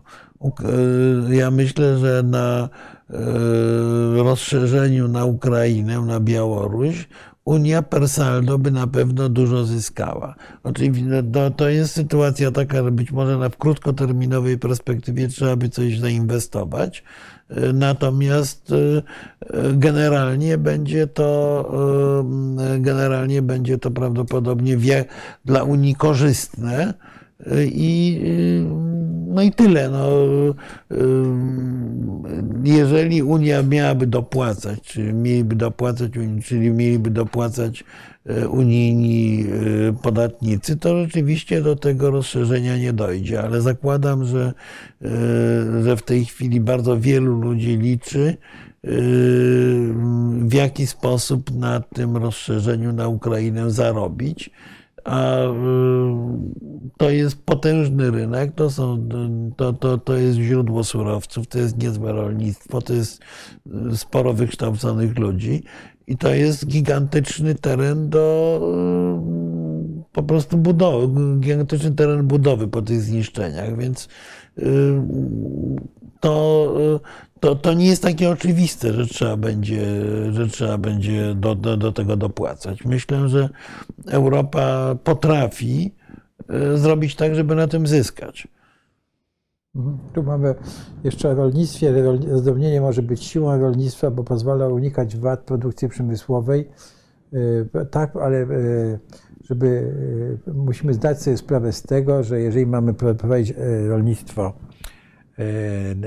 biologiczne czy ekologiczne, to to jest bardzo droga produkcja, by wymaga bardzo dużego nakładu pracy I zamożnego odbiorcy. i w związku z zamożnego odbiorcy, tak? A niestety nie, nie, nie, my nim nie jesteśmy. Ale to, to oczywiście Yy. możemy eksportować i, i rzeczywiście to, to- jest ale- jeden z elementów rozwojowych To jest, polskiego tak, i rolnictwa. to jest tak. I, I powinniśmy, bo rynek e, teraz no, Europa jest w kryzysie, ale prędzej czy później popyt na, na produkcję na przykład e, taką e, na przykład o, z uwagą na dobrostan zwierząt, tak? bo tutaj na przykład naj, największym, największym problemem, jeśli chodzi o produkcję zwierzęcą, to jest nie tyle e, fa- fa- farmy przemysłowe, chociaż one też, bo to warunki są straszne, ale naj, najbardziej cierpienie zwierząt jest w, w, w transporcie. Tak, po prostu to każdy e, to mówi. Więc najlepiej by było, gdyby to była na przykład produkcja zwierzęca taka, że zwierzę e, jest mordowane na, na miejscu i nie, do, nie, i żyje w dobrych warunkach i tak dalej. No, Tak, no, a, prawda? nie, a niestety, to jest, niestety to jest produkt y, bardzo kosztowny. Ja Tak. Kiedyś miałem taką, ta, ta, taką historię w sumie, w, sumie smutną, bo właśnie robiłem w jednym ze sklepów ekologicznych jakieś zakupy Mhm. i y, weszli dwoje starszych państwa, ewidentnie inteligenci, Mhm. y, którzy popatrzyli się, popatrzyli, po czym ze smutkiem stwierdzili, nie stać. no nie, Tak, no te niestety. ceny są tak, nie dla nas tak. i, i wyszli. No. Teraz ja bym tutaj nie kpił, że jesteśmy potęgą kalafiorową, bo O, to- jeśli to jest kpina, bo może nie, ale rzeczywiście tak jest, bo Mhm. ja osobiście mam, e, znam osoby, które e, na dobrej ziemi prowadzą produkcję kalafiorów. To jest, Jest bardzo to- opłacalna produkcja. E, Te kalafiory są sprzedawane w sieci Lidla w, na całym e, świecie, gdzie jest Lidl. I to są polskie kalafiory, e, a wszystko się dzieje na Podkarpaciu, gdzie jest to bardzo nowoczesne gospodarstwo, e, gdzie jest, e, każdy kalafior ma kropelkowe nawadnianie i tak dalej. I oczywiście w fazie inwestycji było to bardzo drogie, a w fazie już realizacji, jak to jest zrobione, po prostu jest to e, no bardzo, tak, aż miło na to popatrzeć po prostu. Tak, tak, ale tak swoją drogą to jest też jedna ze słabości polskiego rolnictwa, że polskie rolnictwo cały czas eksportuje w ogromnej części, nie całe, ale eksportuje towar e, tani.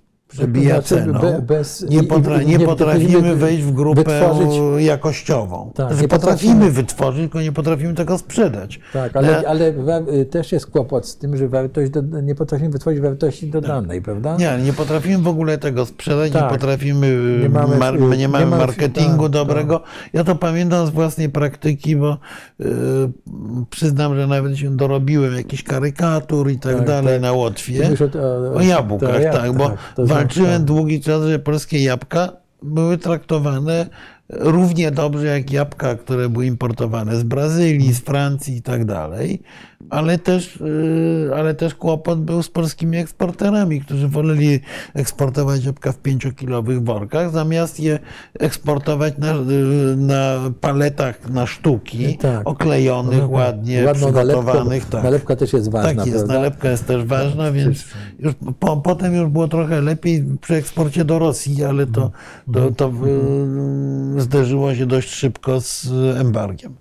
Tak, w każdym razie chciałem Państwu powiedzieć, że jeśli chodzi o całą produkcję rolną, no to jest to, jeśli chodzi o świat, jest to i cały ten e, gałęź, gałąź przemysłu, jeśli mogę tak ująć, jest to niezwykle ważne, nie, niezwykle istotne zapewnienie bezpieczeństwa żywnościowego. Y, Ważne jest też z, z, z takich ze względów em, strategicznych bezpieczeństwa kraju, prawda, czy się może sam wyżywić, czy nie. Tak, no nie, Tak, nie jest i- to tak dochodowe. I, i, I tak, ale w każdym razie dy, dyplomacja wszystkich krajów, wszystkich krajów zajmuje się e, rolnictwem. No kiedyś były tacy, taki ktoś jak atasze, atasze rolny w, w ambasadach. W wielu, ale- w wielu ale- krajach jest to utrzymane, w pol, Ale zwróćcie nie. Państwo uwagę, że jedyne porozumienie tak naprawdę, jakie zawarto w konflikcie rosyjsko-ukraińskim, To jest porozumienie dotyczące eksportu żywności, zboża, e, kukurydzy, oleju i tak dalej. Tak. Bo o ile e, ta produkcja rolna nie jest wysoce dochodowa w sensie e, ogromnego przebicia na eksporcie, o tyle jest rzeczywiście absolutnie kluczowa w sensie budowania długofalowego stabilności społecznej, bo ludzie w dowolnym kraju świata, jeżeli im żywność podrożeje, wychodzą na ulicę. Tak, te wszystkie, E, te wszystkie e, te kolorowe rewolucje w krajach arabskich Tak. też zaczynały się e, Tak, od, wobec od, tego od, od podaż, podaż produktów rolnych, a w niektórych krajach podaż produktów rolnych odpowiedniej jakości jest dosyć kluczowym elementem, jest dosyć kluczowym elementem takiego budowania autorytetu państwa obecnego na rynku międzynarodowym. No, jest tutaj dużo o rolnictwie, tu już Tak, będziemy tak, tego tak. ko- ko- komentować, właśnie e, prawda, Andrzej Lepiej Tak, ma- no, to, to, nie, nie tutaj, bardzo, tutaj Andrzej Lepiej nie musieli... bardzo, nie bardzo w ogóle rozumiał mechanizmy jakie e, międzynarodowe, jak jeśli chodzi o, o, rolnictwo, także Tak, pan Piotr przypomniał, że rzeczywiście dosyć długo rozmawiamy. no, nareszcie ktoś nam wyrzucił, że jest długo. No nie, nie, wyrzucił, stwierdził, że jest tak. ukontentowany. Dobrze, proszę Państwa, kończymy na, na dzisiaj, ale Tak, zdrowa żywność obiecuję rzeczywiście Państwu, że nie, Do nie, kwestii nie, rolnych też można wracać Tak, ja obiecuję Państwu w takim razie nie w, nie, w niedzielę, że, ale zaproszę e, bardzo kompetentną osobę, gdzie porozmawiamy o, o tym, o polskim rolnictwie i o tym, o czym mówiliśmy, i w ogóle o światowym rolnictwie, jego znaczeniu strategicznym, jak to się odbywa, ale w inny dzień bym Państwa zapraszam na to, żeby nie zabywać Tak. niedzieli. Natomiast E, na dzisiaj chcieli... wiecznej wojny jak na Półwyspie Koreańskim, tak, no, no niestety jest to Tak. wysoce prawdopodobny scenariusz. Tak.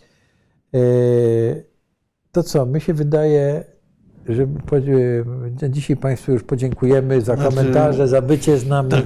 że Państwo wytrzymali z nami tak długo.